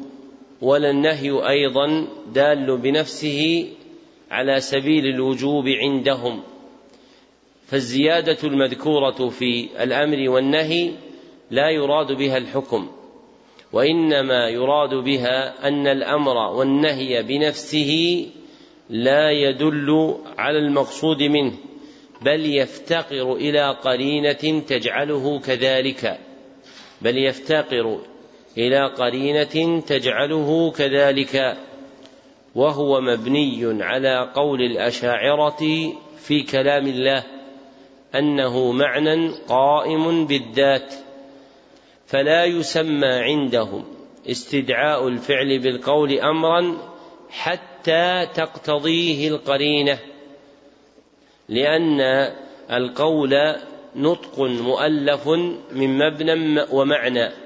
لأن النطق مؤلف من مبنى ومعنى والأشاعرة ينكرون الحرف والصوت في كلام الله سبحانه وتعالى فحينئذ يتطلبون قرينة تدل على مقصود الكلام فتجعله للأمر أو تجعله للنهي. وهذه من جملة المسائل المنسوجة في أصول الفقه على اعتقاد الأشاعرة والمختار أن الأمر هو خطاب الشرع المقتضي لطلب الفعل خطاب الشرع المقتضي لطلب الفعل. وأورد المصنف صيغته وأراد بها الصيغة الصريحة لأن الأمر له نوعان من الصيغ أحدهما الصيغ الصريحة الصيغ الصريحة ولا تنحصر في إفعل بل يشاركه أيضا ما أشار إليه العلامة حافظ الحكم في وسيلة الحصول بقوله أربع ألفاظ بها الأمر دري. إفعل لتفعل اسم فعل مصدري أربع ألفاظ بها الأمر دري. افعل لتفعل اسم فعل مصدري والآخر الصيغ غير الصريحة مما يدل على الطلب ولا يكون بصيغته الموضوعة له مما يدل على الطلب ولا يكون بصيغته الموضوعة له.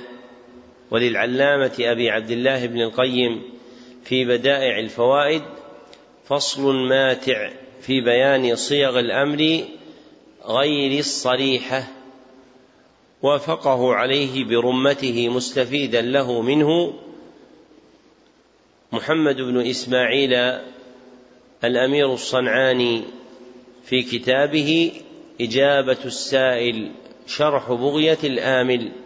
ثم ذكر المصنف أن هذه الصيغة عند الإطلاق والتجرد تحمل على الأمر إلا إذا قام الدليل على خلافه ولا يقتضي الأمر التكرار على الصحيح ولا يقتضي الأمر التكرار على الصحيح بحيث يكرر الإنسان ما أمر به إلا ما دل الدليل على طلب على طلب التكرار. وإذا لم يدل الدليل على طلب التكرار فإنه لا يصار إليه.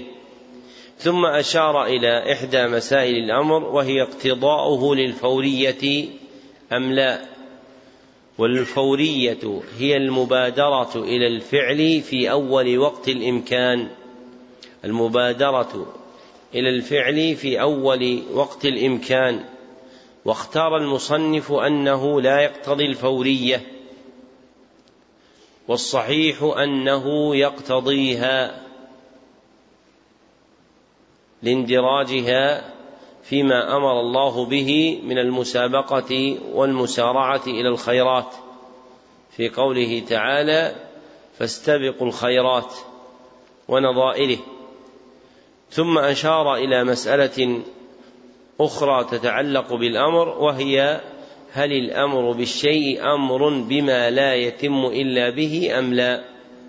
هل الأمر بالشيء أمر بما لا يتم به إلا به أم لا؟ فقال والأمر بإيجاد الفعل أمر به وبما لا يتم الفعل إلا به كالأمر بالصلاة أمر بالطهارة المؤدية إليها. وأكثر الأصوليون وأكثر الأصوليين يعبرون عنها بقولهم ما لا يتم الواجب إلا به فهو واجب. ما لا يتم الواجب إلا به فهو واجب. وما نحاه المصنف أكمل. ليدخل فيه الندب أيضا. واختار أن الأمر بإيجاد الفعل أمر به وأمر بما لا يتم الفعل إلا به. كالأمر بالصلاة أمر بالطهارة المؤدية إليها. والمختار أن ما لا يتم الفعل إلا به نوعان. والمختار أن ما لا يتم الفعل إلا به نوعان. أحدهما ما هو في وسع العبد وقدرته. ما هو في وسع العبد وقدرته كالطهارة والصلاة. والآخر ما ليس في وسعه وقدرته كدخول وقت الصلاة. فالأول مأمور به تبعا للفعل لأنه وسيلته. فالأول مأمور به تبعا للفعل لأنه وسيلته. أما الثاني فلا لخروجه عن قدرة المأمور. لخروجه عن قدرة المأمور وهي مناط الأمر. كما قال الله تعالى فاتقوا الله ما استطعتم والعبد لا قدرة له في إدخال الوقت. وختم مسائل الأمر بقوله وإذا فعل أي الأمر خرج المأمور عن العهدة أي إذا امتثل الأمر خرج العبد المأمور عن العهدة ومعنى خروجه عن العهدة براءة ذمته وسقوط الطلب عنه براءة ذمته وسقوط الطلب عنه. فلا يكون مطالبا مطالبا بما أمر به لأنه أتى به. لكن لا تبرأ الذمة إلا بفعل صحيح واقع على الوجه المأمور به شرعا. فلو فعله على غير صفته الشرعية لم تبرأ ذمته ويبقى مطالبا بالقضاء ولا يكفيه فعله الأول. نعم. أحسن الله إليكم. قال رحمه الله تعالى الذي يدخل في الأمر والنهي وما لا يدخل يدخل في خطاب الله تعالى المؤمنون والساهي والصبي والمجنون غير داخلين في الخطاب والكفار مخاطبون بفروع الشرائع وبما لا تصح إلا به وهو الإسلام. لقوله تعالى ما سلككم في سقر قالوا لم نك من المصلين والأمر بالشيء نهي عن ضده والنهي عن الشيء أمر بضده. عقد المصنف رحمه الله ترجمة في هذا الكتاب فقال الذي يدخل في الأمر والنهي وما لا يدخل. والتراجم التي عقدها المصنف لمباحث هذا الكتاب قليلة هي المقتصر عليه في النسخة التي بأيديكم. وأما الشائع المنتشر في النسخ المتداولة من كثرة الأبواب فهذا من تصرف النساخ المتأخرين. والمقصود بهذه الترجمة معرفة المخاطبين بالأمر والنهي. وقد ذكر المصنف أن الداخل في خطاب الرب سبحانه وتعالى أي خطاب الشرع المؤمنون. والمراد بالمؤمنين بالمؤمنين هنا من اتصف منهم بوصفين. من اتصف منهم بوصفين أحدهما العقل والآخر البلوغ. أحدهما العقل والآخر البلوغ. وهما اللذان يشير إليهما الأصوليون بقولهم التكليف فالعبارة على سنن الأصوليين يدخل في خطاب الله المكلفون. وإنما ذكر المؤمنين عوض المكلفين ليخرج مسألة مخاطبة الكفار على ما سيأتي. والمراد بالمؤمنين من عهد منهم بالعقل والبلوغ من عهد منهم عقله وبلوغه. فال هنا عهدية تختص بالمؤمنين الذين لهم عقل وقد بلغوا؟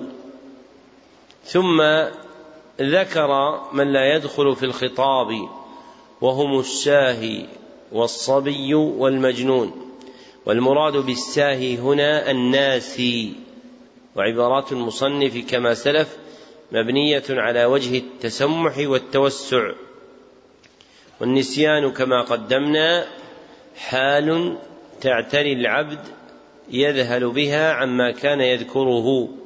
حال تعتري العبد يذهل بها يذهل بها عما كان يذكره.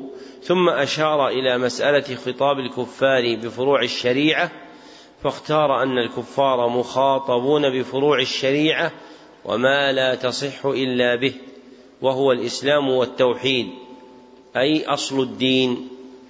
والفروع والأصول كلمتان تطلقان ويراد بهما تارة معنى صحيحا ويراد بهما تارة معنى صحيح لا مناص من إثباته.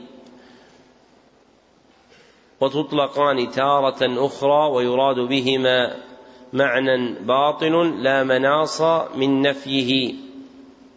فأما المعنى الصحيح فهو أن تكون الأصول اسما للمسائل القطعية التي لا تقبل الاجتهاد. اسما للمسائل القطعية التي لا تقبل الاجتهاد. والفروع اسما للمسائل غير القطعية التي تقبل الاجتهاد. وأما المعنى الباطل فهو أن تكون الأصول اسما للمسائل العلميات الخبريات. اسما للمسائل العلميات الخبريات.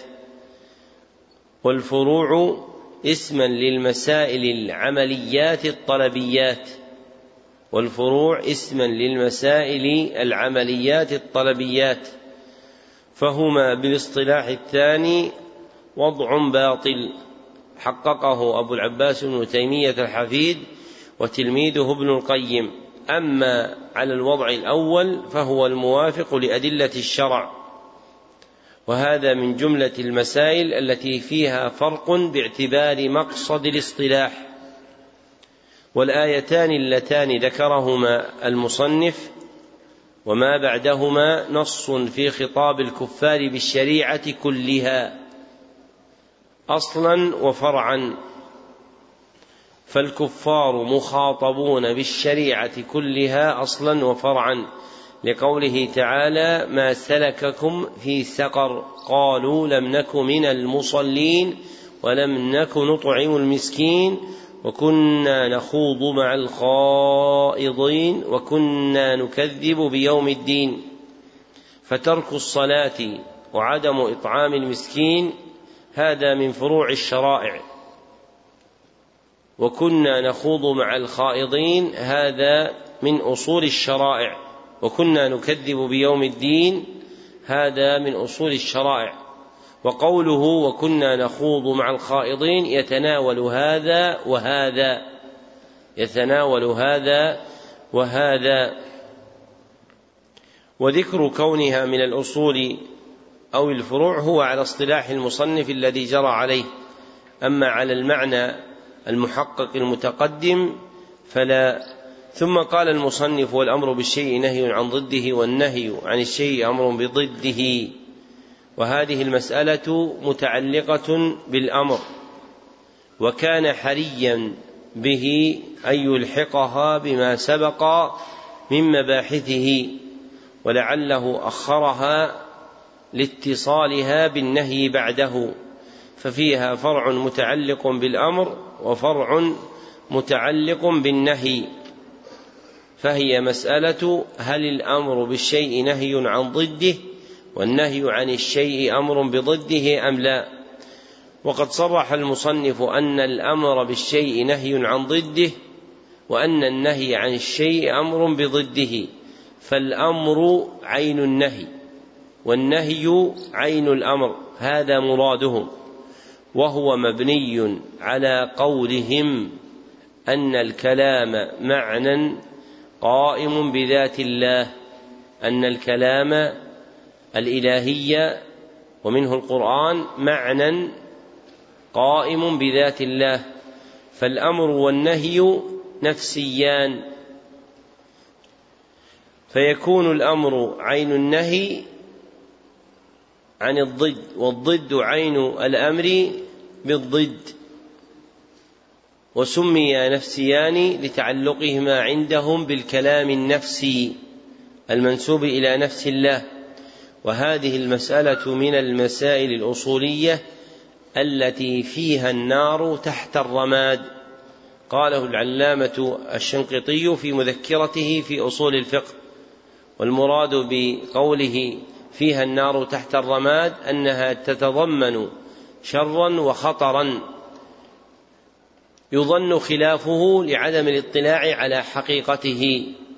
فالرائي للرماد يظن أن النار خامدة وإذا قلبه وجد الجمر تحته. كهذه المسألة. والصحيح أن الأمر بالشيء ليس عين النهي عن ضده. ولكنه يستلزمه ولكنه يستلزمه لأن المأمور به لا يمكن وجوده مع التلبس بضده لأن المأمور به لا يمكن وجوده مع التلبس بضده لاستحالة اجتماع الضدين وما لا يتم الواجب إلا به فهو واجب وعليه فالأمر يستلزم النهي عن كل ضد له. فالأمر يستلزم النهي عن كل ضد له. وأما النهي عن الشيء فإنه يلزم منه الأمر بضد واحد لا بجميع أضداده. وأما النهي عن الشيء فإنه يستلزم الأمر بضد واحد لا بجميع أضداده لاحتمال تعدد الأضداد. نعم. أحسن الله إليكم. قال رحمه الله تعالى والنهي استدعاء الترك بالقول ممن هو دونه على سبيل الوجوب ويدل على فساد المنهي عنه. وترد صيغة الأمر والمراد به الإباحة أو التهديد أو التسوية أو التكوين. ذكر المصنف رحمه الله فصلا آخر من أصول الفقه هو النهي وحده بما لا يسلم من الاعتراض على ما تقدم في الأمر فإنه نظيره. كيف؟ انتقدوه الآن على ما تقدم في الأمر. قوله استدعاء الترك بالقول أن الاستدعاء لا ينحصر في القول بل قد يكون بالكتابة فتقوم مقامه. وقوله وقوله ممن هو دونه لا حاجة إليها لأن الخطاب الشرعي يكون فيه العبد دون الآمر الناهي له وهو الشرع. وقوله على سبيل الوجوب منتقد بماذا؟ لأنه على عقيدة الأشاعرة في الكلام الإلهي بأنه على عقيدة الأشاعرة في الكلام الإلهي وأنه محتاج إلى قرينة تفصح عن المراد به لأن الكلام عندهم معنى قائم بالذات فيحتاج إلى قرينة مفصحة عنه هي التي يعنونها بقولهم على سبيل الوجوب. وإذا كان الأمر كما تقدم خطاب الشرع المقتضي للطلب لطلب الفعل فالنهي هو الخطاب الشرعي المقتضي للترك هو الخطاب الشرعي المقتضي للترك. والنهي المتعلق بالفعل يعود إلى أحد أربعة أمور. أحدها عوده إلى الفعل نفسه عوده إلى الفعل نفسه في ذاته أو ركنه عوده إلى الفعل نفسه في ذاته أو ركنه. وثانيها عوده إلى شرطه. وثالثها عوده إلى وصفه الملازم له. ورابعها عوده إلى خارج عما تقدم متصل بالفعل. عوده إلى خارج عما تقدم متصل بالفعل. فإذا عاد إلى الثلاثة الأول رجع على الفعل بالفساد والبطلان. وإذا رجع إلى الرابع لم يقتض النهي الفساد. وهذا تحقيق مسألة اقتضاء النهي الفساد هل يقتضيه أم لا على ما تقدم بأوسع مما ذكرنا هنا في شرح منظومة القواعد الفقهية. وختم المصنف الفصل بالتنبيه على أن صيغة الأمر تطلق ويراد بها غير ما وضع له في الشرع فيراد بها الإباحة أو التهديد أو التسوية أو التكوين. ولا يكون المراد بها هو اقتضاء الفعل. وموجب ذلك أصلها اللغوي لا الشرعي. وموجب ذلك أصلها اللغوي لا الشرعي. يعني أن هذه المعاني باعتبار الوضع اللغوي دون الشرعي. وهذه الجملة لاحقة بمباحث الأمر لكن هذا الكتاب مبني على التوسع والتسمح فوقعت هذه العبارة متأخرة. نعم. أحسن الله إليكم. قال رحمه الله تعالى وأما العام فهو ما عم شيئين فصاعدا.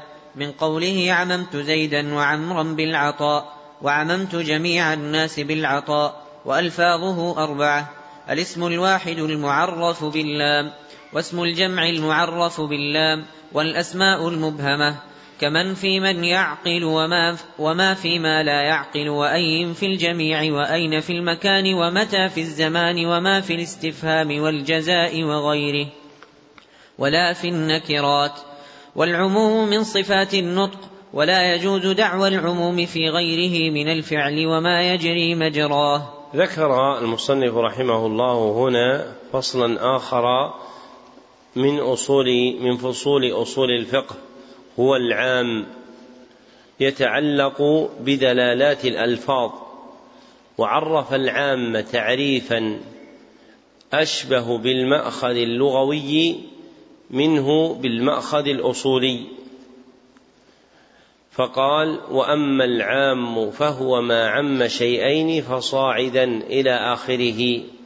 فالمنظور فيه بعين الرعاية لبيان معناه هو أصله اللغوي المشار إليه بذكر اشتقاقه وإن كان صدر كلامه يشبه الوضع الاصطلاحي لكن مع نقص عن الوفاء بمرادهم منه والمختار أن العام هو اللفظ الموضوع لاستغراق جميع أفراده بلا حصر هو اللفظ الموضوع لاستغراق جميع أفراده بلا حصر.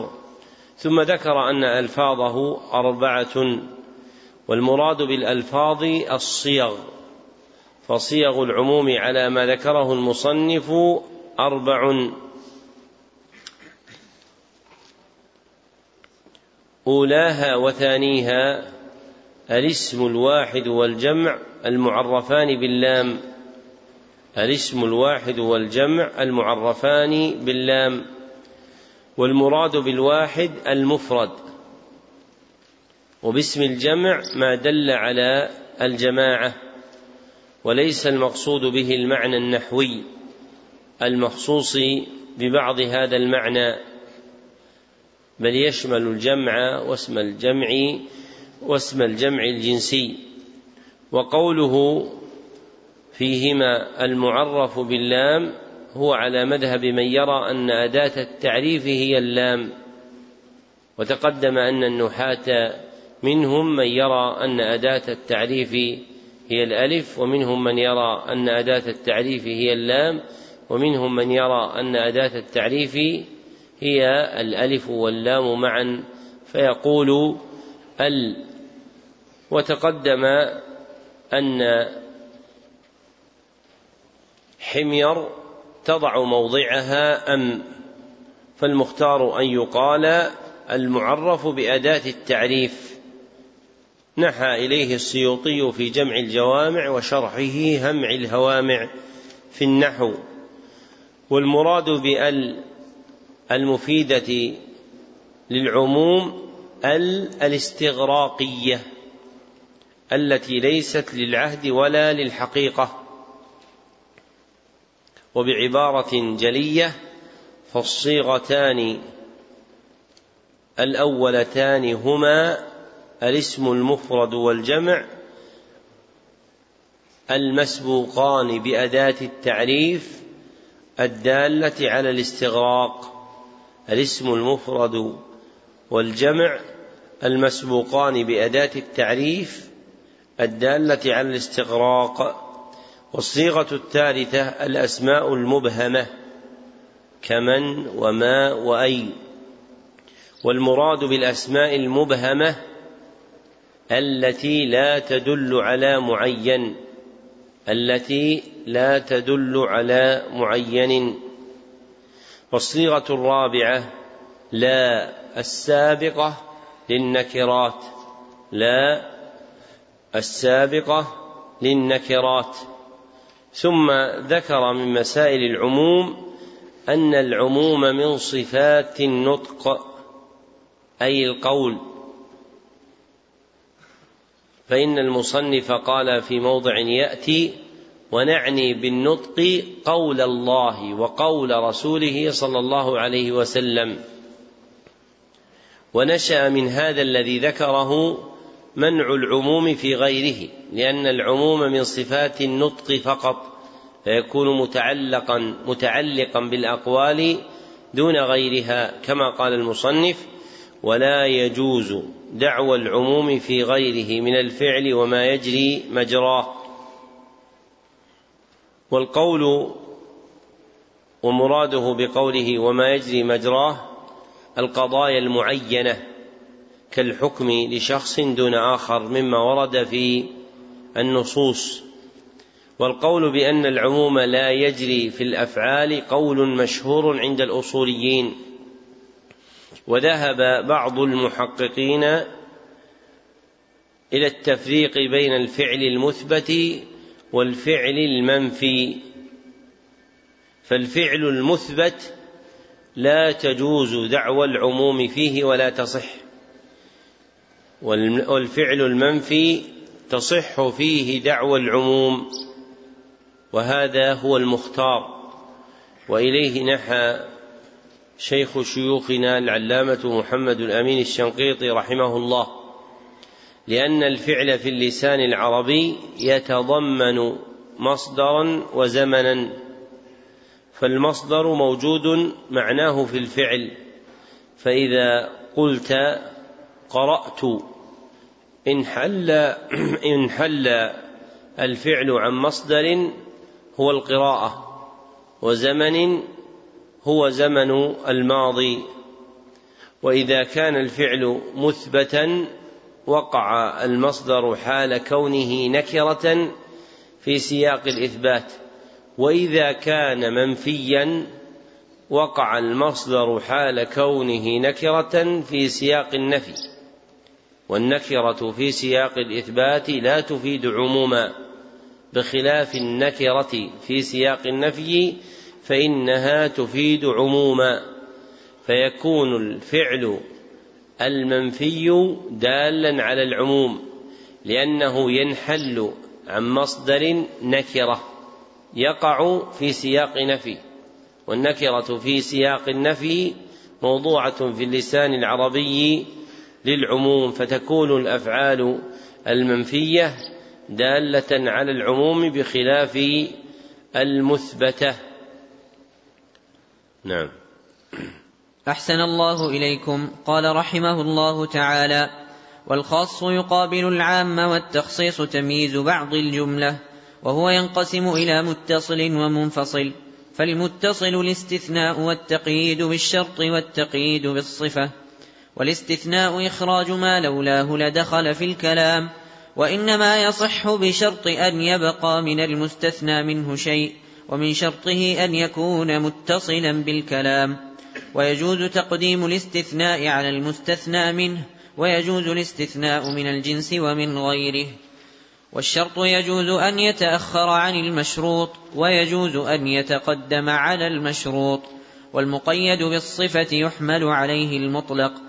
كالرقبة قيدت بالإيمان في بعض المواضع وأطلقت في بعض المواضع فيحمل المطلق على المقيد. ويجوز تخصيص الكتاب بالكتاب وتخصيص الكتاب بالسنة وتخصيص السنة بالكتاب وتخصيص السنة بالسنة وتخصيص النطق بالقياس. ونعني بالنطق قول الله سبحانه وتعالى وقول الرسول صلى الله عليه وسلم. ذكر المصنف رحمه الله فصلا آخر من أصول الفقه وهو الخاص أتبعه العام وذكر الصلة بينهما فقال والخاص يقابل العام إشارة إلى تعلقه به على وجه الدلالة في المقابلة والأحكام. فإذا كان العام كما تقدم على المختار هو اللفظ الموضوع لاستغراق جميع أفراده بلا حصر فإن المراد بالخاص هو اللفظ الموضوع للدلالة على فرد مع حصر. هو اللفظ الموضوع للدلالة على فرد مع حصر. والفرد لا يراد به الواحد المنفرد بل جنسه. وحكمه المترتب عليه هو التخصيص المشار إليه بقول المصنف تمييز بعض الجملة أي إخراج بعض أفراد العام لأن الخاص لفظ دال على مقصود معين. فإذا ورد على عام ما أخرج بعض الأفراد عن حكمه سمي ذلك تخصيصا فالتخصيص تمييز تمييز بعض أفراد العام عن بعض. ثم ذكر قسمة المخصصات إلى قسمين. أولها المخصصات المتصلة والآخر المخصصات المنفصلة. والمراد بالمخصصات المتصلة التي لا تستقل بنفسها والمراد بالمخصصات المنفصلة التي تستقل بنفسها. ثم عد من المخصصات المتصلة الاستثناء والشرط والصفة وذكر حد الأول فقط دون الآخرين. فذكر الاستثناء وذكر طرفا من شروطه في قوله والاستثناء إخراج ما لولاه لدخل في الكلام إلى آخره. فالاستثناء إخراج ما لولاه لدخل في الكلام بأداة مخصوصة. إخراج ما لولاه لدخل في الكلام بأداة مخصوصة. وهذه الأداة هي عند قوم إلا أو إحدى أخواتها. وهذه الأداة عند قوم هي إلا أو إحدى أخواتها. والاستثناء الشرعي أوسع من ذلك. فقول إن شاء الله استثناء لحديث عبد الله بن عمر رضي الله عنهما مرفوعا من حلف على يمين فقال إن شاء الله فقد استثنى رواه الأربعة وإسناده صحيح فهذا استثناء شرعي وقل من ذكره من النحاة والأصوليين ونبه عليه جماعة من المحققين منهم ابن هشام النحوي. وذكر المصنف أن للاستثناء شرطين. الأول أن يبقى من المستثنى منه شيء فلا يكون مستغرقا جميع الأفراد. أن يبقى من المستثنى منه شيء فلا يكون مستغرقا جميع الأفراد. كقول أحدهم علي ألف إلا ألفا. علي ألف إلا ألفا فهذا الاستثناء لا يصح ويكون باطلا. والثاني أن يكون متصلا بالكلام فلا يتأخر النطق بالاستثناء عن النطق بالمستثنى منه حقيقة أو حكما فلا يتأخر النطق بالاستثناء عن النطق بالمستثنى منه حقيقة أو حكما. ثم ذكر أنه يجوز تقديم الاستثناء على المستثنى منه لأنه لا أثر له في الحكم ويجوز الاستثناء من الجنس ومن غيره أي من أفراد اللفظ العام المذكور بالاستثناء أو من غيره وجعله بعضهم شرطا والصحيح خلافه. ثم ذكر بعد ذلك بعد ذلك التخصيص بالشرط فقال والشرط يجوز أن يتأخر عن المشروط إلى آخره. ومراده بالشرط الشرط اللغوي المعروف بأدواته المذكورة في كلام النحاة. الشرط المعروف بأدواته المذكورة في كلام النحاة وهي عوامل الجزم التي تجزم فعلين وهي عوامل الجزم التي تجزم فعلين. ثم ذكر التخصيص بالصفة فقال والمقيد بالصفة يحمل عليه المطلق إلى آخره. والمطلق هنا أريد به العام. والقدماء من الأصوليين منهم من يسمي العام مطلقا. والمطلق عاما تسمحا في العبارة أو لوجود معنى مشترك بينهما. والاصطلاحات قبل استقرارها تختلف فيها مرادات المتكلمين. أما بعد استقرارها فالأصل حملها على الشائع المستقر على الشائع المستقر عند أهل الفن. والصفة هنا تشمل كل معنى يمكن أن يحصر عموم العام في بعض الأفراد. تشمل كل معنى يمكن أن يحصر عموم العام في بعض الأفراد سواء كان جارا ومجرورا أو نعتا أو حالا أو حالا. فكلها تعد من التخصيص بالصفة فليس المراد بالصفة هنا ما اصطلح عليه النحاة بل يراد بها معنى أوسع من ذلك والمطلق هو اللفظ الموضوع لاستغراق جميع أفراده على وجه البدل هو اللفظ الموضوع لاستغراق جميع أفراده على وجه البدل والمقيد هو اللفظ الموضوع للدلالة على فرد واقع بدلا واللفظ الموضوع للدلالة على فرد واقع بدلا. فكل واحد من أفراد المطلق يصلح أن يسد مسد البقية والمقيد فرد منه. فقوله تعالى فتحرير رقبة مطلق لأنه لفظ موضوعة للدلالة على جميع أفراده لكن على وجه البدل. وأما في العام فعلى وجه الاستغراق. والمراد بالبدل هنا أنه يشمل كل الرقاب لكن المراد منها رقبة واحدة. فإن لم توجد فرقبة أخرى. فإن لم توجد فرقبة أخرى وهكذا. ومعنى حمل المطلق على المقيد أي جعله بمعناه في الحكم. أي جعله بمعناه في الحكم. ومعنى حمل المطلق على المقيد أي جعله بمعناه في الحكم. بحسب ما يأتلف عليه الحكم والسبب اتحادا واختلافا. بحسب ما يأتلف عليه الحكم والسبب اتحادا واختلافا كما هو مبين في محله.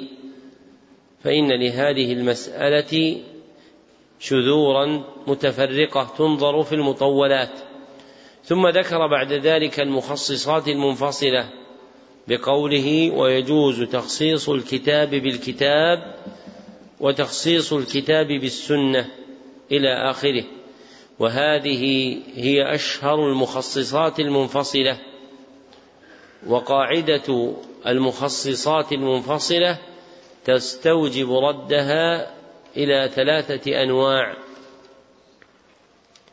أحدها الحس. أحدها الحس. وثانيها العقل وثالثها الشرع. والمذكور هنا كله من الراجع إلى الشرع والمستفاد منه أن المخصصات المنفصلة في الشرع ثلاثة. الأول الكتاب والمخصص به هو الكتاب والسنة. كما قال ويجوز تخصيص الكتاب بالكتاب وقال أيضا وتخصيص السنة بالكتاب. والثاني السنة والمخصص به هو الكتاب والسنة. كما قال تخصيص الكتاب بالسنة وقال أيضا وتخصيص السنة بالسنة. والثالث القياس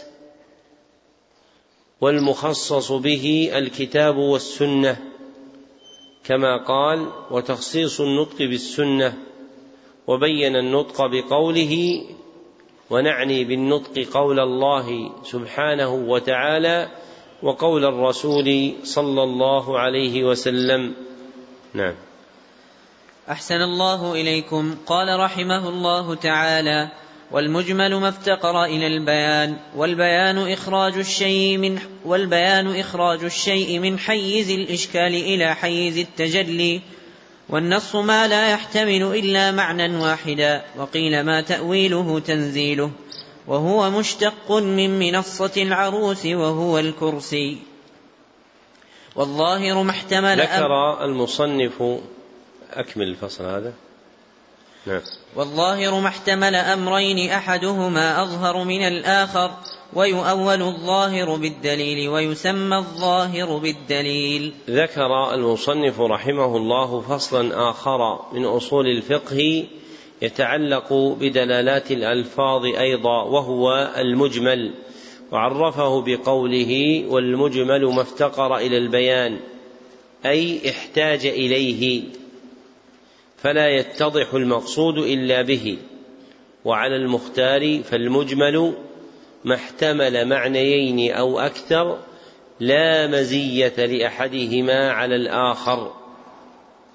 ما احتمل معنيين أو أكثر لا مزية لأحدهما على الآخر. وهذا الاحتمال هو الافتقار الذي أشار إليه بقوله بقوله ما افتقر إلى البيان فإن وجود الاحتمال سبب للافتقار. ثم عرف البيان بتعريف انتقده هو في البرهان فقال والبيان إخراج الشيء من حيز الإشكال إلى حيز التجلي ووجه انتقاده ذكر الحيز فيه. فإن الحيز من الصفات الحسية. والبيان ليس حسيا بل معنوي. وأظهر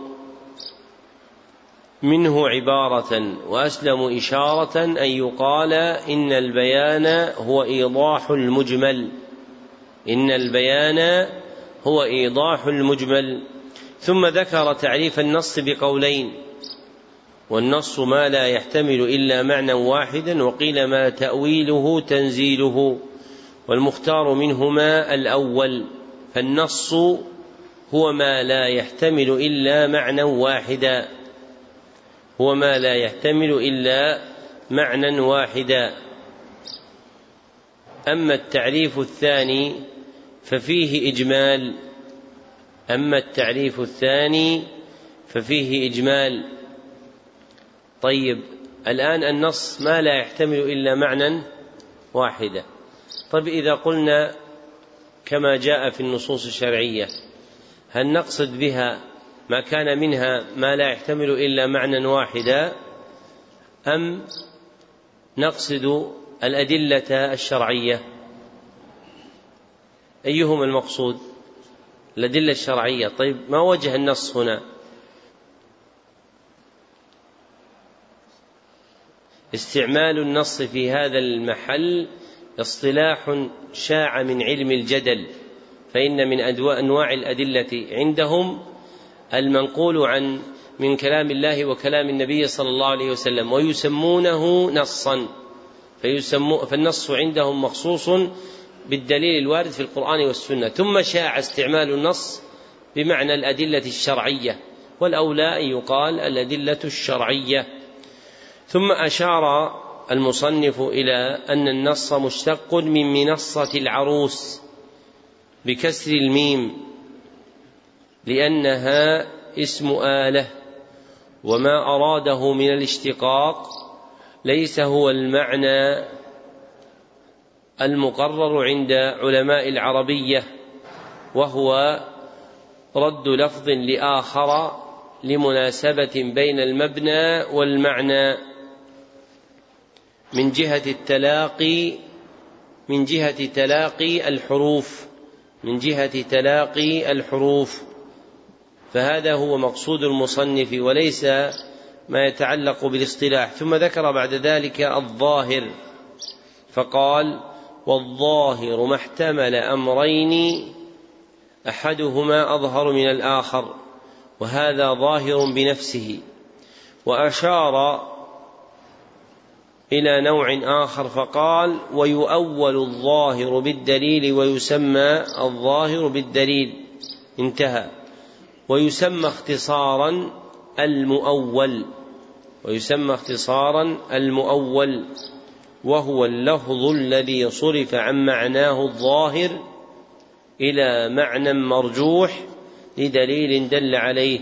وهو اللفظ الذي صرف عن معناه الظاهر إلى معنى مرجوح لدليل دل عليه فهذا يكون ظاهرا باعتبار غيره ويسمى مؤولا. وعلم بهذا أن الظاهر نوعان وعلم بهذا أن الظاهر نوعان أحدهما الظاهر بنفسه وهو ما احتمل معنيين أحدهما أرجح من الآخر. ما احتمل معنيين أحدهما أرجح من الآخر والثاني الظاهر بغيره وهو ما احتمل معنيين أحدهما أظهر من الآخر لقرينة خارجية. ما احتمل معنيين أحدهما أظهر من الآخر لقرينة خارجية ويسمى مؤولا. نعم. أحسن الله إليكم. قال رحمه الله تعالى الأفعال. فعل صاحب الشريعة لا يخلو إما أن يكون على وجه القربة والطاعة أو غير ذلك فإن دل دليل على الاختصاص به يحمل على الاختصاص وإن لم يدل لا يخصص به لأن الله تعالى يقول لقد كان لكم في رسول الله أسوة حسنة. فيحمل على الوجوب عند بعض أصحابنا ومن أصحابنا من قال يحمل على الندب ومنهم من قال يتوقف عنه. فإن كان على وجه غير القربة والطاعة فيحمل على الاباحه فيحمل على الإباحة في حقه وحقنا. وإقرار صاحب الشريعة على القول الصادر من أحد هو قول صاحب الشريعة وإقراره على الفعل كفعله. وما فعل في وقته في غير مجلسه وعلم به ولم ينكره فحكمه حكم ما فعل في مجلسه. ذكر المصنف رحمه الله فصلا آخر من أصول الفقه في ترجمة ترجم بها فقال الأفعال وأراد بها فعل صاحب الشريعة كما صرح به وصاحب الشريعة هو الرسول صلى الله عليه وسلم. سمي صاحب الشريعة لأنه مبلغها وأصل الصحبة هي المقارنة ووجه المقارنة ووجه المقارنة بين الشريعة والرسول صلى الله عليه وسلم هو التبليغ وليس التشريع لأن التشريع لله وحده.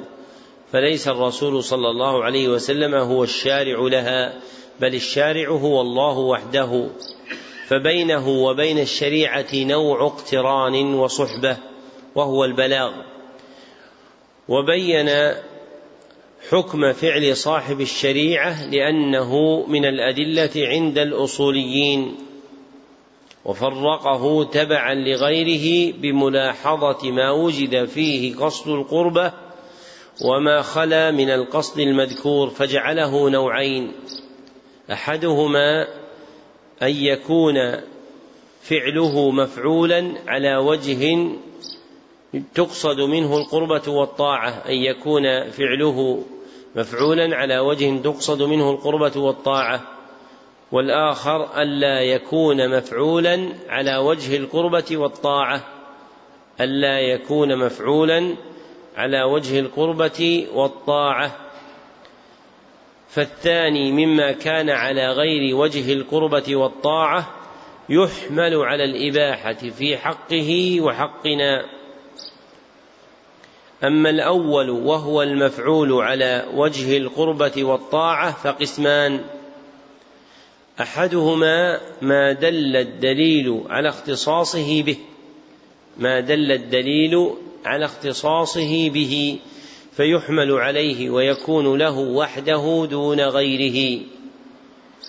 والآخر ما لم يدل دليل على اختصاصه به فيكون عاما له ولغيره لأن الله قال لقد كان لكم في رسول الله أسوة حسنة فالأصل ثبوت طلب التأسي به ودعوى التخصيص لا تأتلف مع ذلك. وأشار المصنف إلى اختلاف النظار من الشافعية فيه وهم المرادون بأصحابه واختلافهم على ثلاثة أقوال. الأول أنه يحمل على الوجوب والثاني أنه يحمل على الندب. والثالث أنه يتوقف عنه أي يتوقف عن حمله على أحد النوعين الوجوب أو الندب أي يتوقف عن حمله على أحد النوعين الوجوب أو الندب. وليس معناه أنه لا يحكم بكونه مطلوبا. فهذا لا يتصور القول به من مدرك أقل خطاب الشرع في طلب التأسي به صلى الله عليه وسلم. فمعنى التوقف المراد هو التوقف عن حمله على أحد النوعين الوجوب أو الندب فيكون مطلوبا. يقصد امتثاله بالتأسي لكن لا يحكم عليه بكونه مندوبا أو واجبا.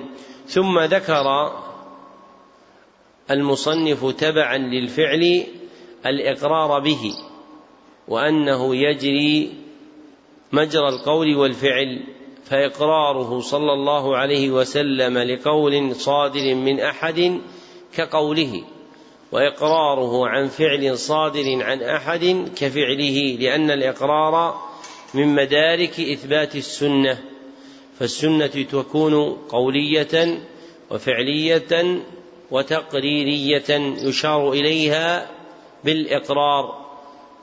وجمع هذه الأنواع الثلاثة بأعذب عبارة. ابن عاصم في مرتقى الوصول إذ قال وقسمت السنة بانحصار للقول والفعل وللإقرار. وقسمت السنة بانحصار للقول والفعل وللإقرار. ثم ذكر من مسائل الإقرار أن ما فعل في وقته أي في عهده صلى الله عليه وسلم في غير مجلسه وعلم به ولم ينكره فحكمه حكم ما فعل في مجلسه. لموافقته صلى الله عليه وسلم عليه بعلمه به دون إنكار لأن الأصل عند وجود المخالفة للشرع صدور المبادرة بالإنكار منه صلى الله عليه وسلم فلما تخلفت علم إقراره صلى الله عليه وسلم. نعم. أحسن الله إليكم. قال رحمه الله تعالى وأما النسخ فمعناه لغة الإزالة وقيل معناه النقل. من قولهم نسخت ما في هذا الكتاب أي نقلته. وحده هو الخطاب الدال على رفع الحكم الثابت بالخطاب المتقدم على وجه لولاه لكان ثابتا مع تراخيه عنه. ويجوز نسخ الرسم وبقاء الحكم ونسخ الحكم وبقاء الرسم. والنسخ إلى بدل وإلى غير بدل وإلى ما هو أغلظ وإلى ما هو أخف. ويجوز نسخ الكتاب بالكتاب ونسخ السنة بالكتاب ونسخ السنة بالسنة. ويجوز نسخ المتواتر بالمتواتر منهما ونسخ الآحاد بالآحاد وبالمتواتر ولا يجوز نسخ المتواتر بالآحاد. ذكر المصنف رحمه الله فصلا آخر من أصول الفقه هو النسخ وعرفه لغة بتعريفين أحدهما الإزالة والآخر النقل وقدم الأول مشعرا ميله إليه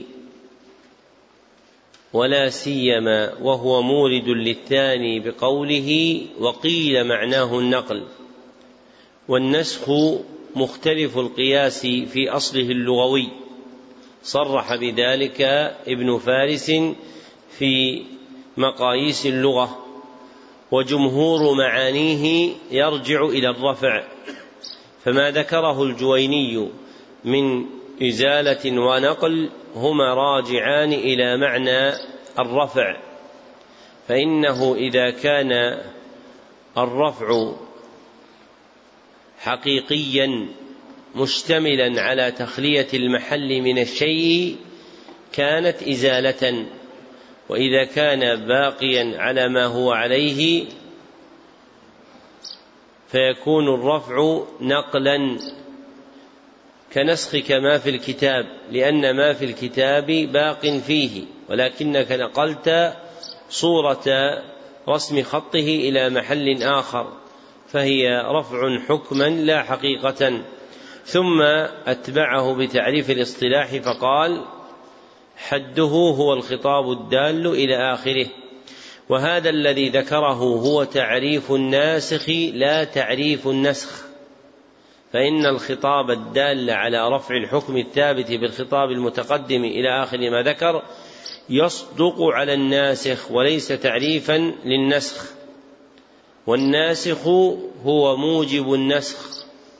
والنسخ حكمه ولا يختص برفع الحكم الثابت في الخطاب المتقدم والمراد بالثبوت في قوله لكان ثابتا بقاء العمل به والمراد بالثبوت في قوله لكان ثابتا بقاء العمل به والمختار أن النسخ هو رفع الخطاب الشرعي هو رفع الخطاب الشرعي أو حكمه الثابت به أو حكمه الثابت به أو هما معا بخطاب شرعي متراخٍ بخطاب شرعي متراخ.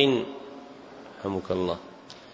وهذا الحد يتضمن ذكر مرفوع ورافع وشرط للرفع. فالمرفوع هو الخطاب الشرعي أو حكمه الثابت به أو هما معا. والرافع هو خطاب شرعي آخر. والشرط هو تأخر الخطاب الشرعي الرافع. هو تأخر الخطاب الشرعي الرافع. ثم ذكر أقسام النسخ باعتبار متعلقه فقال ويجوز نسخ الرسم وبقاء الحكم إلى آخره. فالنسخ بهذا الاعتبار نوعان. أحدهما نسخ الرسم وبقاء الحكم. نسخ الرسم وبقاء الحكم. والآخر نسخ الحكم وبقاء الرسم. نسخ الحكم وبقاء الرسم.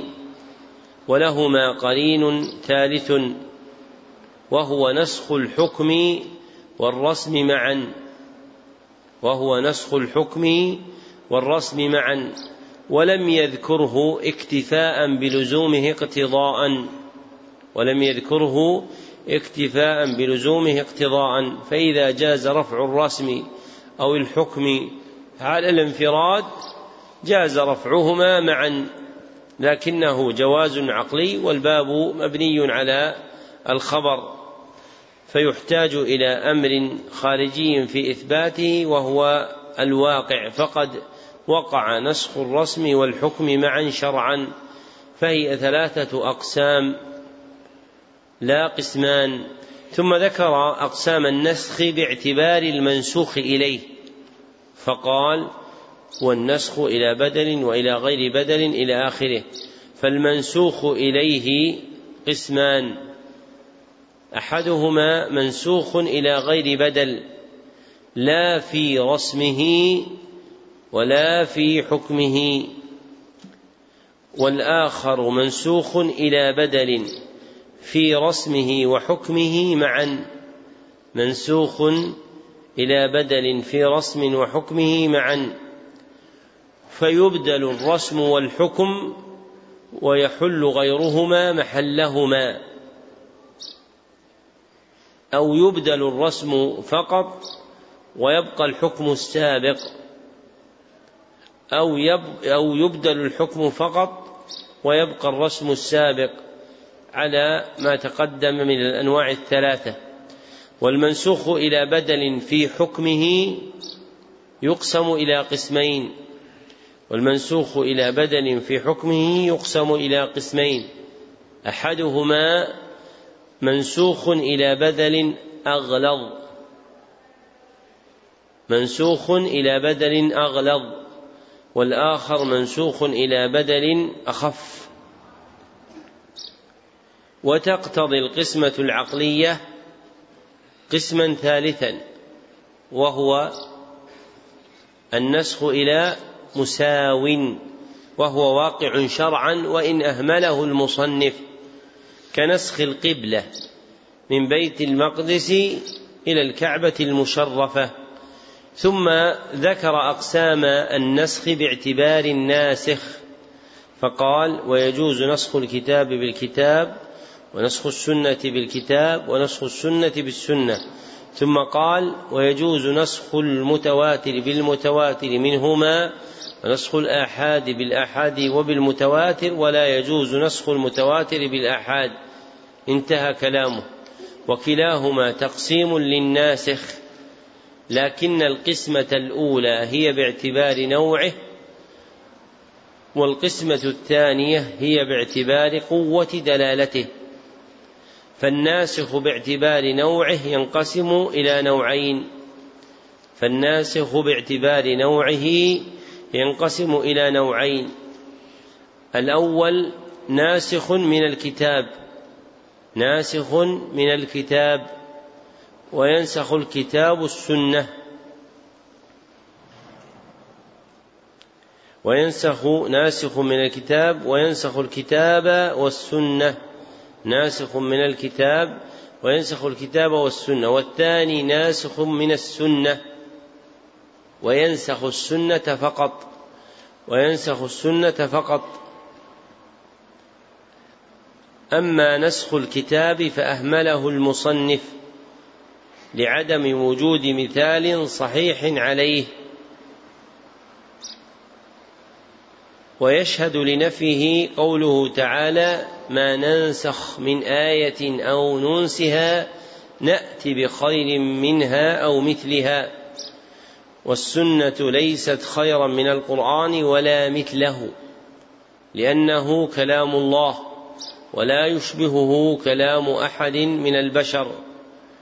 وهذا المأخذ غير مأخذ حجية السنة فمن جهة الحجية فالسنة حجة كالكتاب وإنما مأخذه قدر المتكلم به وإنما مأخذه قدر المتكلم به كما في الآية المذكورة من سورة البقرة ولا يسلم مثال مما ذكر أن السنة نسخت فيه الكتاب والناسخ باعتبار قوته ينقسم إلى نوعين والناسخ باعتبار قوته ينقسم إلى نوعين الأول المتواتر وينسخ المتواتر والآحاد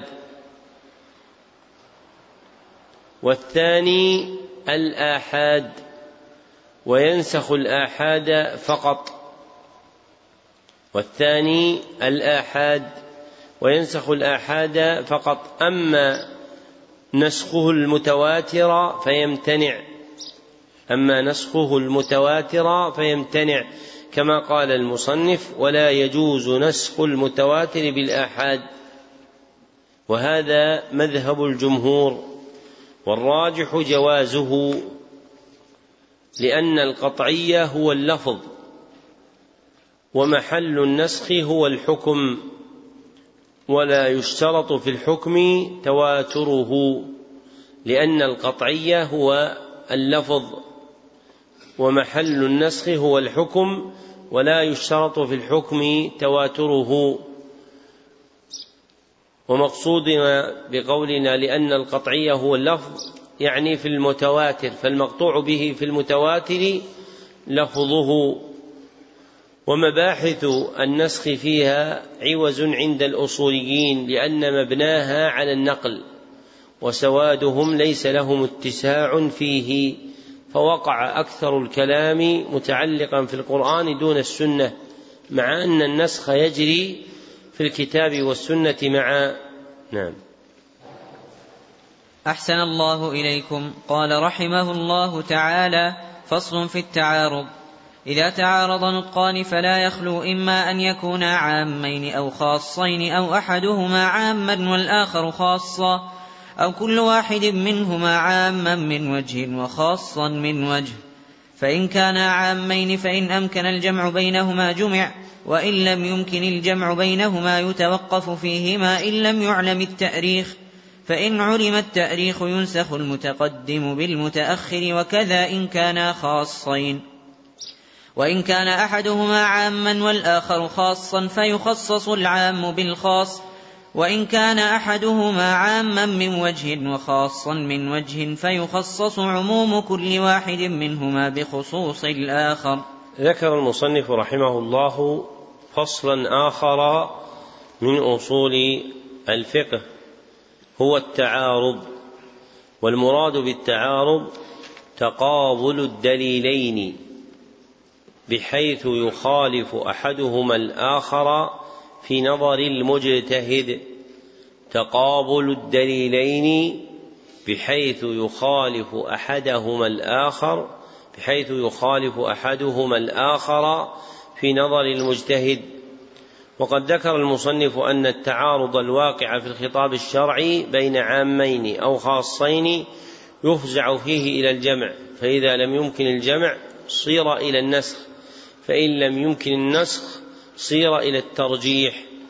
فمراتب التأليف بين المتعارضين إذا كانا عامين أو خاصين ثلاث. فمراتب التأليف بين المتعارضين إذا كانا عامين أو خاصين ثلاث. أولها الجمع أولها الجمع وثانيها النسخ وثانيها النسخ وثالثها الترجيح. أولها الجمع وثانيها النسخ وثالثها الترجيح. وحقيقة الجمع التأليف بين مدلولي نصين توهم تعارضهما. التأليف بين مدلولي نصين توهم تعارضهما دون تكلف ولا إحداث. ما معنى دون تكلف؟ البارح مر علينا دون تحميل النص ما لا يحتمله ولا إحداث اختراع معنى جديد لم يذكره أحد من قبل. وأما النسخ فتقدم بيانه وذكر العلم بالتاريخ فيه لأن وقوع التراخي بين خطابين متعارضين هو علامة وقوع النسخ. لأن وقوع التراخي بين خطابين متعارضين هو علامة وقوع النسخ والتراخي هو التأخر وبالتاريخ يعلم تأخر أحدهما عن الآخر. وحقيقة الترجيح تقديم أحد النص المقبولين على مثله لتعذر الجمع بدليل تقديم أحد النصين المقبولين على مثله لتعذر الجمع بدليل. أما إذا كان أحد الدليلين المتعارضين عاما والآخر خاصا فيحكم على العام بالخاص ويكون العام مخصصا والخاص مخصصا له. وإن كان أحدهما عاما من وجه وخاصا من وجه فيخصص عموم عموم كل واحد منهما بخصوص الآخر. وقوله إذا تعارض نطقان يوهم اختصاص أحكام التعارض بالأقوال لقوله المتقدم ونعني بالنطق قول الله وقول الرسول صلى الله عليه وسلم وليس ذلك مرادا وإنما خرج مخرج الغالب فالتعارض يقع بين الأقوال والأفعال وبين الأقوال والأقوال وبين الأفعال والأفعال. نعم. أحسن الله إليكم قال رحمه الله تعالى وأما الإجماع فهو اتفاق علماء العصر على حكم الحادثة ونعني بالعلماء الفقهاء. ونعني بالحادثة الحادثة الشرعية. وإجماع هذه الأمة حجة دون غيرها لقوله صلى الله عليه وسلم لا تجتمع أمتي على ضلالة. والشرع ورد بعصمة هذه الأمة والإجماع حجة على العصر الثاني وفي أي عصر كان ولا يشترط انقراض العصر على الصحيح. فإن قلنا انقراض العصر شرط يعتبر قول من ولد في حياتهم وتفقه وصار من أهل الاجتهاد ولهم أن يرجعوا عن ذلك الحكم والإجماع يصح بقولهم وبفعلهم وبقول البعض وبفعل البعض وانتشار ذلك وسكوت الباقين عنه. ذكر المصنف رحمه الله فصلا آخر من أصول الفقه وهو الإجماع. وعرفه بقوله اتفاق علماء العصر على حكم الحادثة. فحقيقة الإجماع عندهم مشيدة على ثلاثة أصول. أولها أنه اتفاق والثاني أن أهله الذين نسب إليهم هم العلماء. وأراد منهم الفقهاء كما صرح به فقال ونعني بالعلماء الفقهاء لا غيرهم لا غيرهم من علماء العلوم الأخرى. وثالثها أن مورده حادثة أي مسألة شرعية. وقصر بيانه عن استكمال حقيقته الكاملة. فإنه يفتقر إلى تخصيص دلالة الجنسية في قوله العصر الدالة على استغراق جميع عصور الأمة. فكأن الإجماع لا يتحقق إلا باتفاق الفقهاء طبقة بعد طبقة وليس هذا مرادا بل ال في قوله العصر للعهد. فتختص بعصر معين ولا بد من قيد ثان لازم وهو كون وقوعه بعد زمن النبي صلى الله عليه وسلم. فوجود الأعلى من الأدلة لا يحتاج معه إلى الأدنى. فوجود الأعلى من الأدلة لا يحتاج معه إلى الأدنى. وحكمه صلى الله عليه وسلم في حياته لا يحتاج معه إلى الإجماع لأن الإجماع يفتقر إليه دون العكس. ففي حياة النبي صلى الله عليه وسلم لا يفتقر إلى الإجماع لوجوده صلى الله عليه وسلم. والمختار أن الإجماع اصطلاحا هو اتفاق مجتهدي عصر من عصور أمة محمد صلى الله عليه وسلم بعد وفاته على حكم شرعي. ثم ذكر أن من قواعد الإجماع أن الإجماع حجة على العصر الثاني أي التالي له. وعلى كل عصر كائن بعده.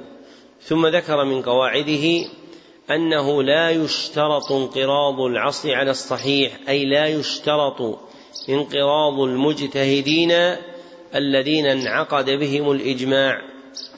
والمراد بالانقراض موتهم وذهاب أعيانهم. فإذا أجمع الصحابة على أمر ما رحمك الله.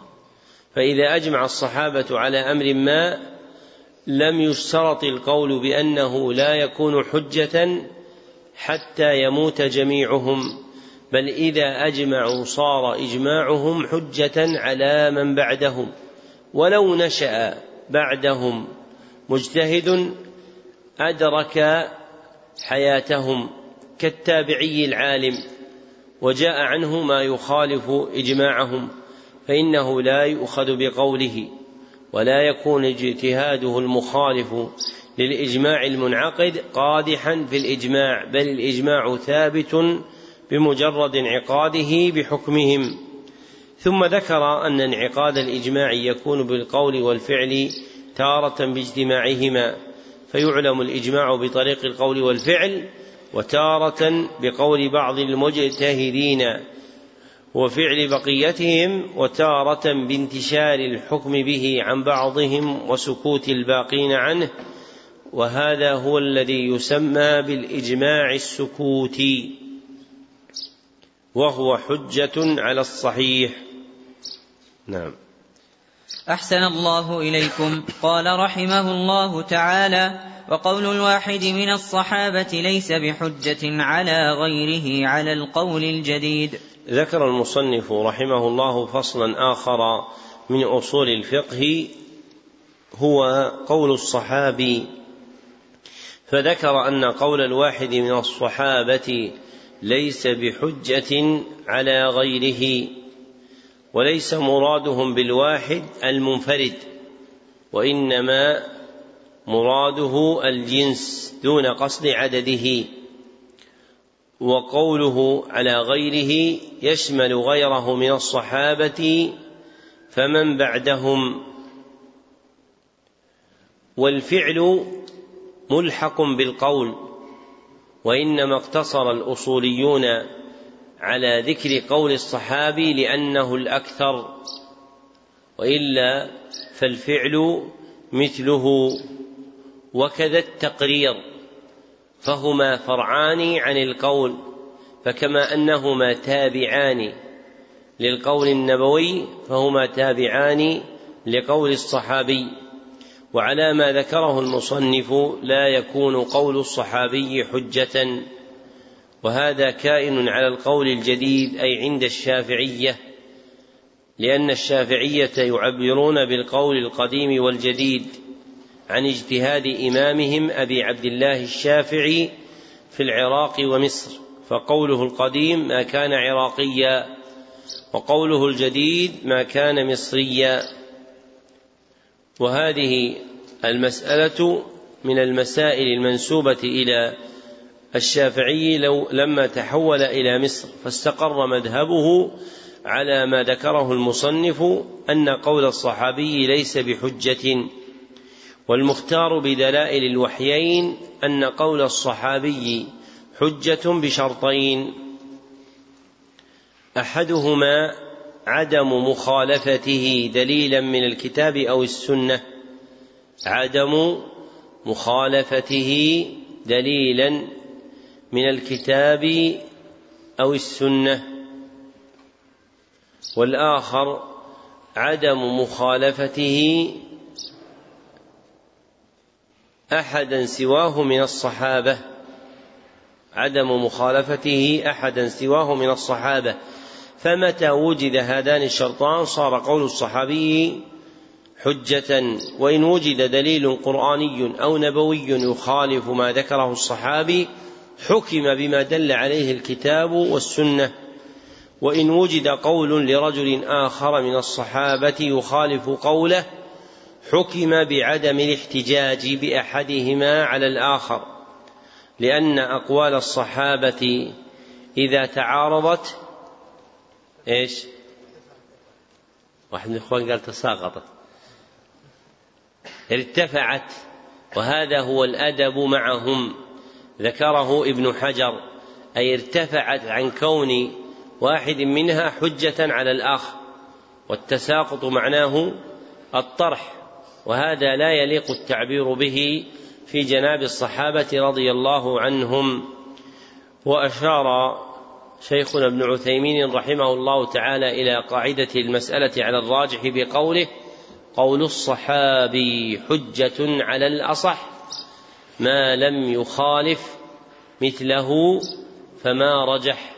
قول الصحابي حجة على الأصح ما لم يخالف مثله فما رجح. والذي مثله هو قول صحابي آخر والذي رجح هو دليل الكتاب أو السنة. وهذا آخر البيان على هذه الجملة من الكتاب وبقيت منه بقية نستوفيها إن شاء الله تعالى صدر العصر.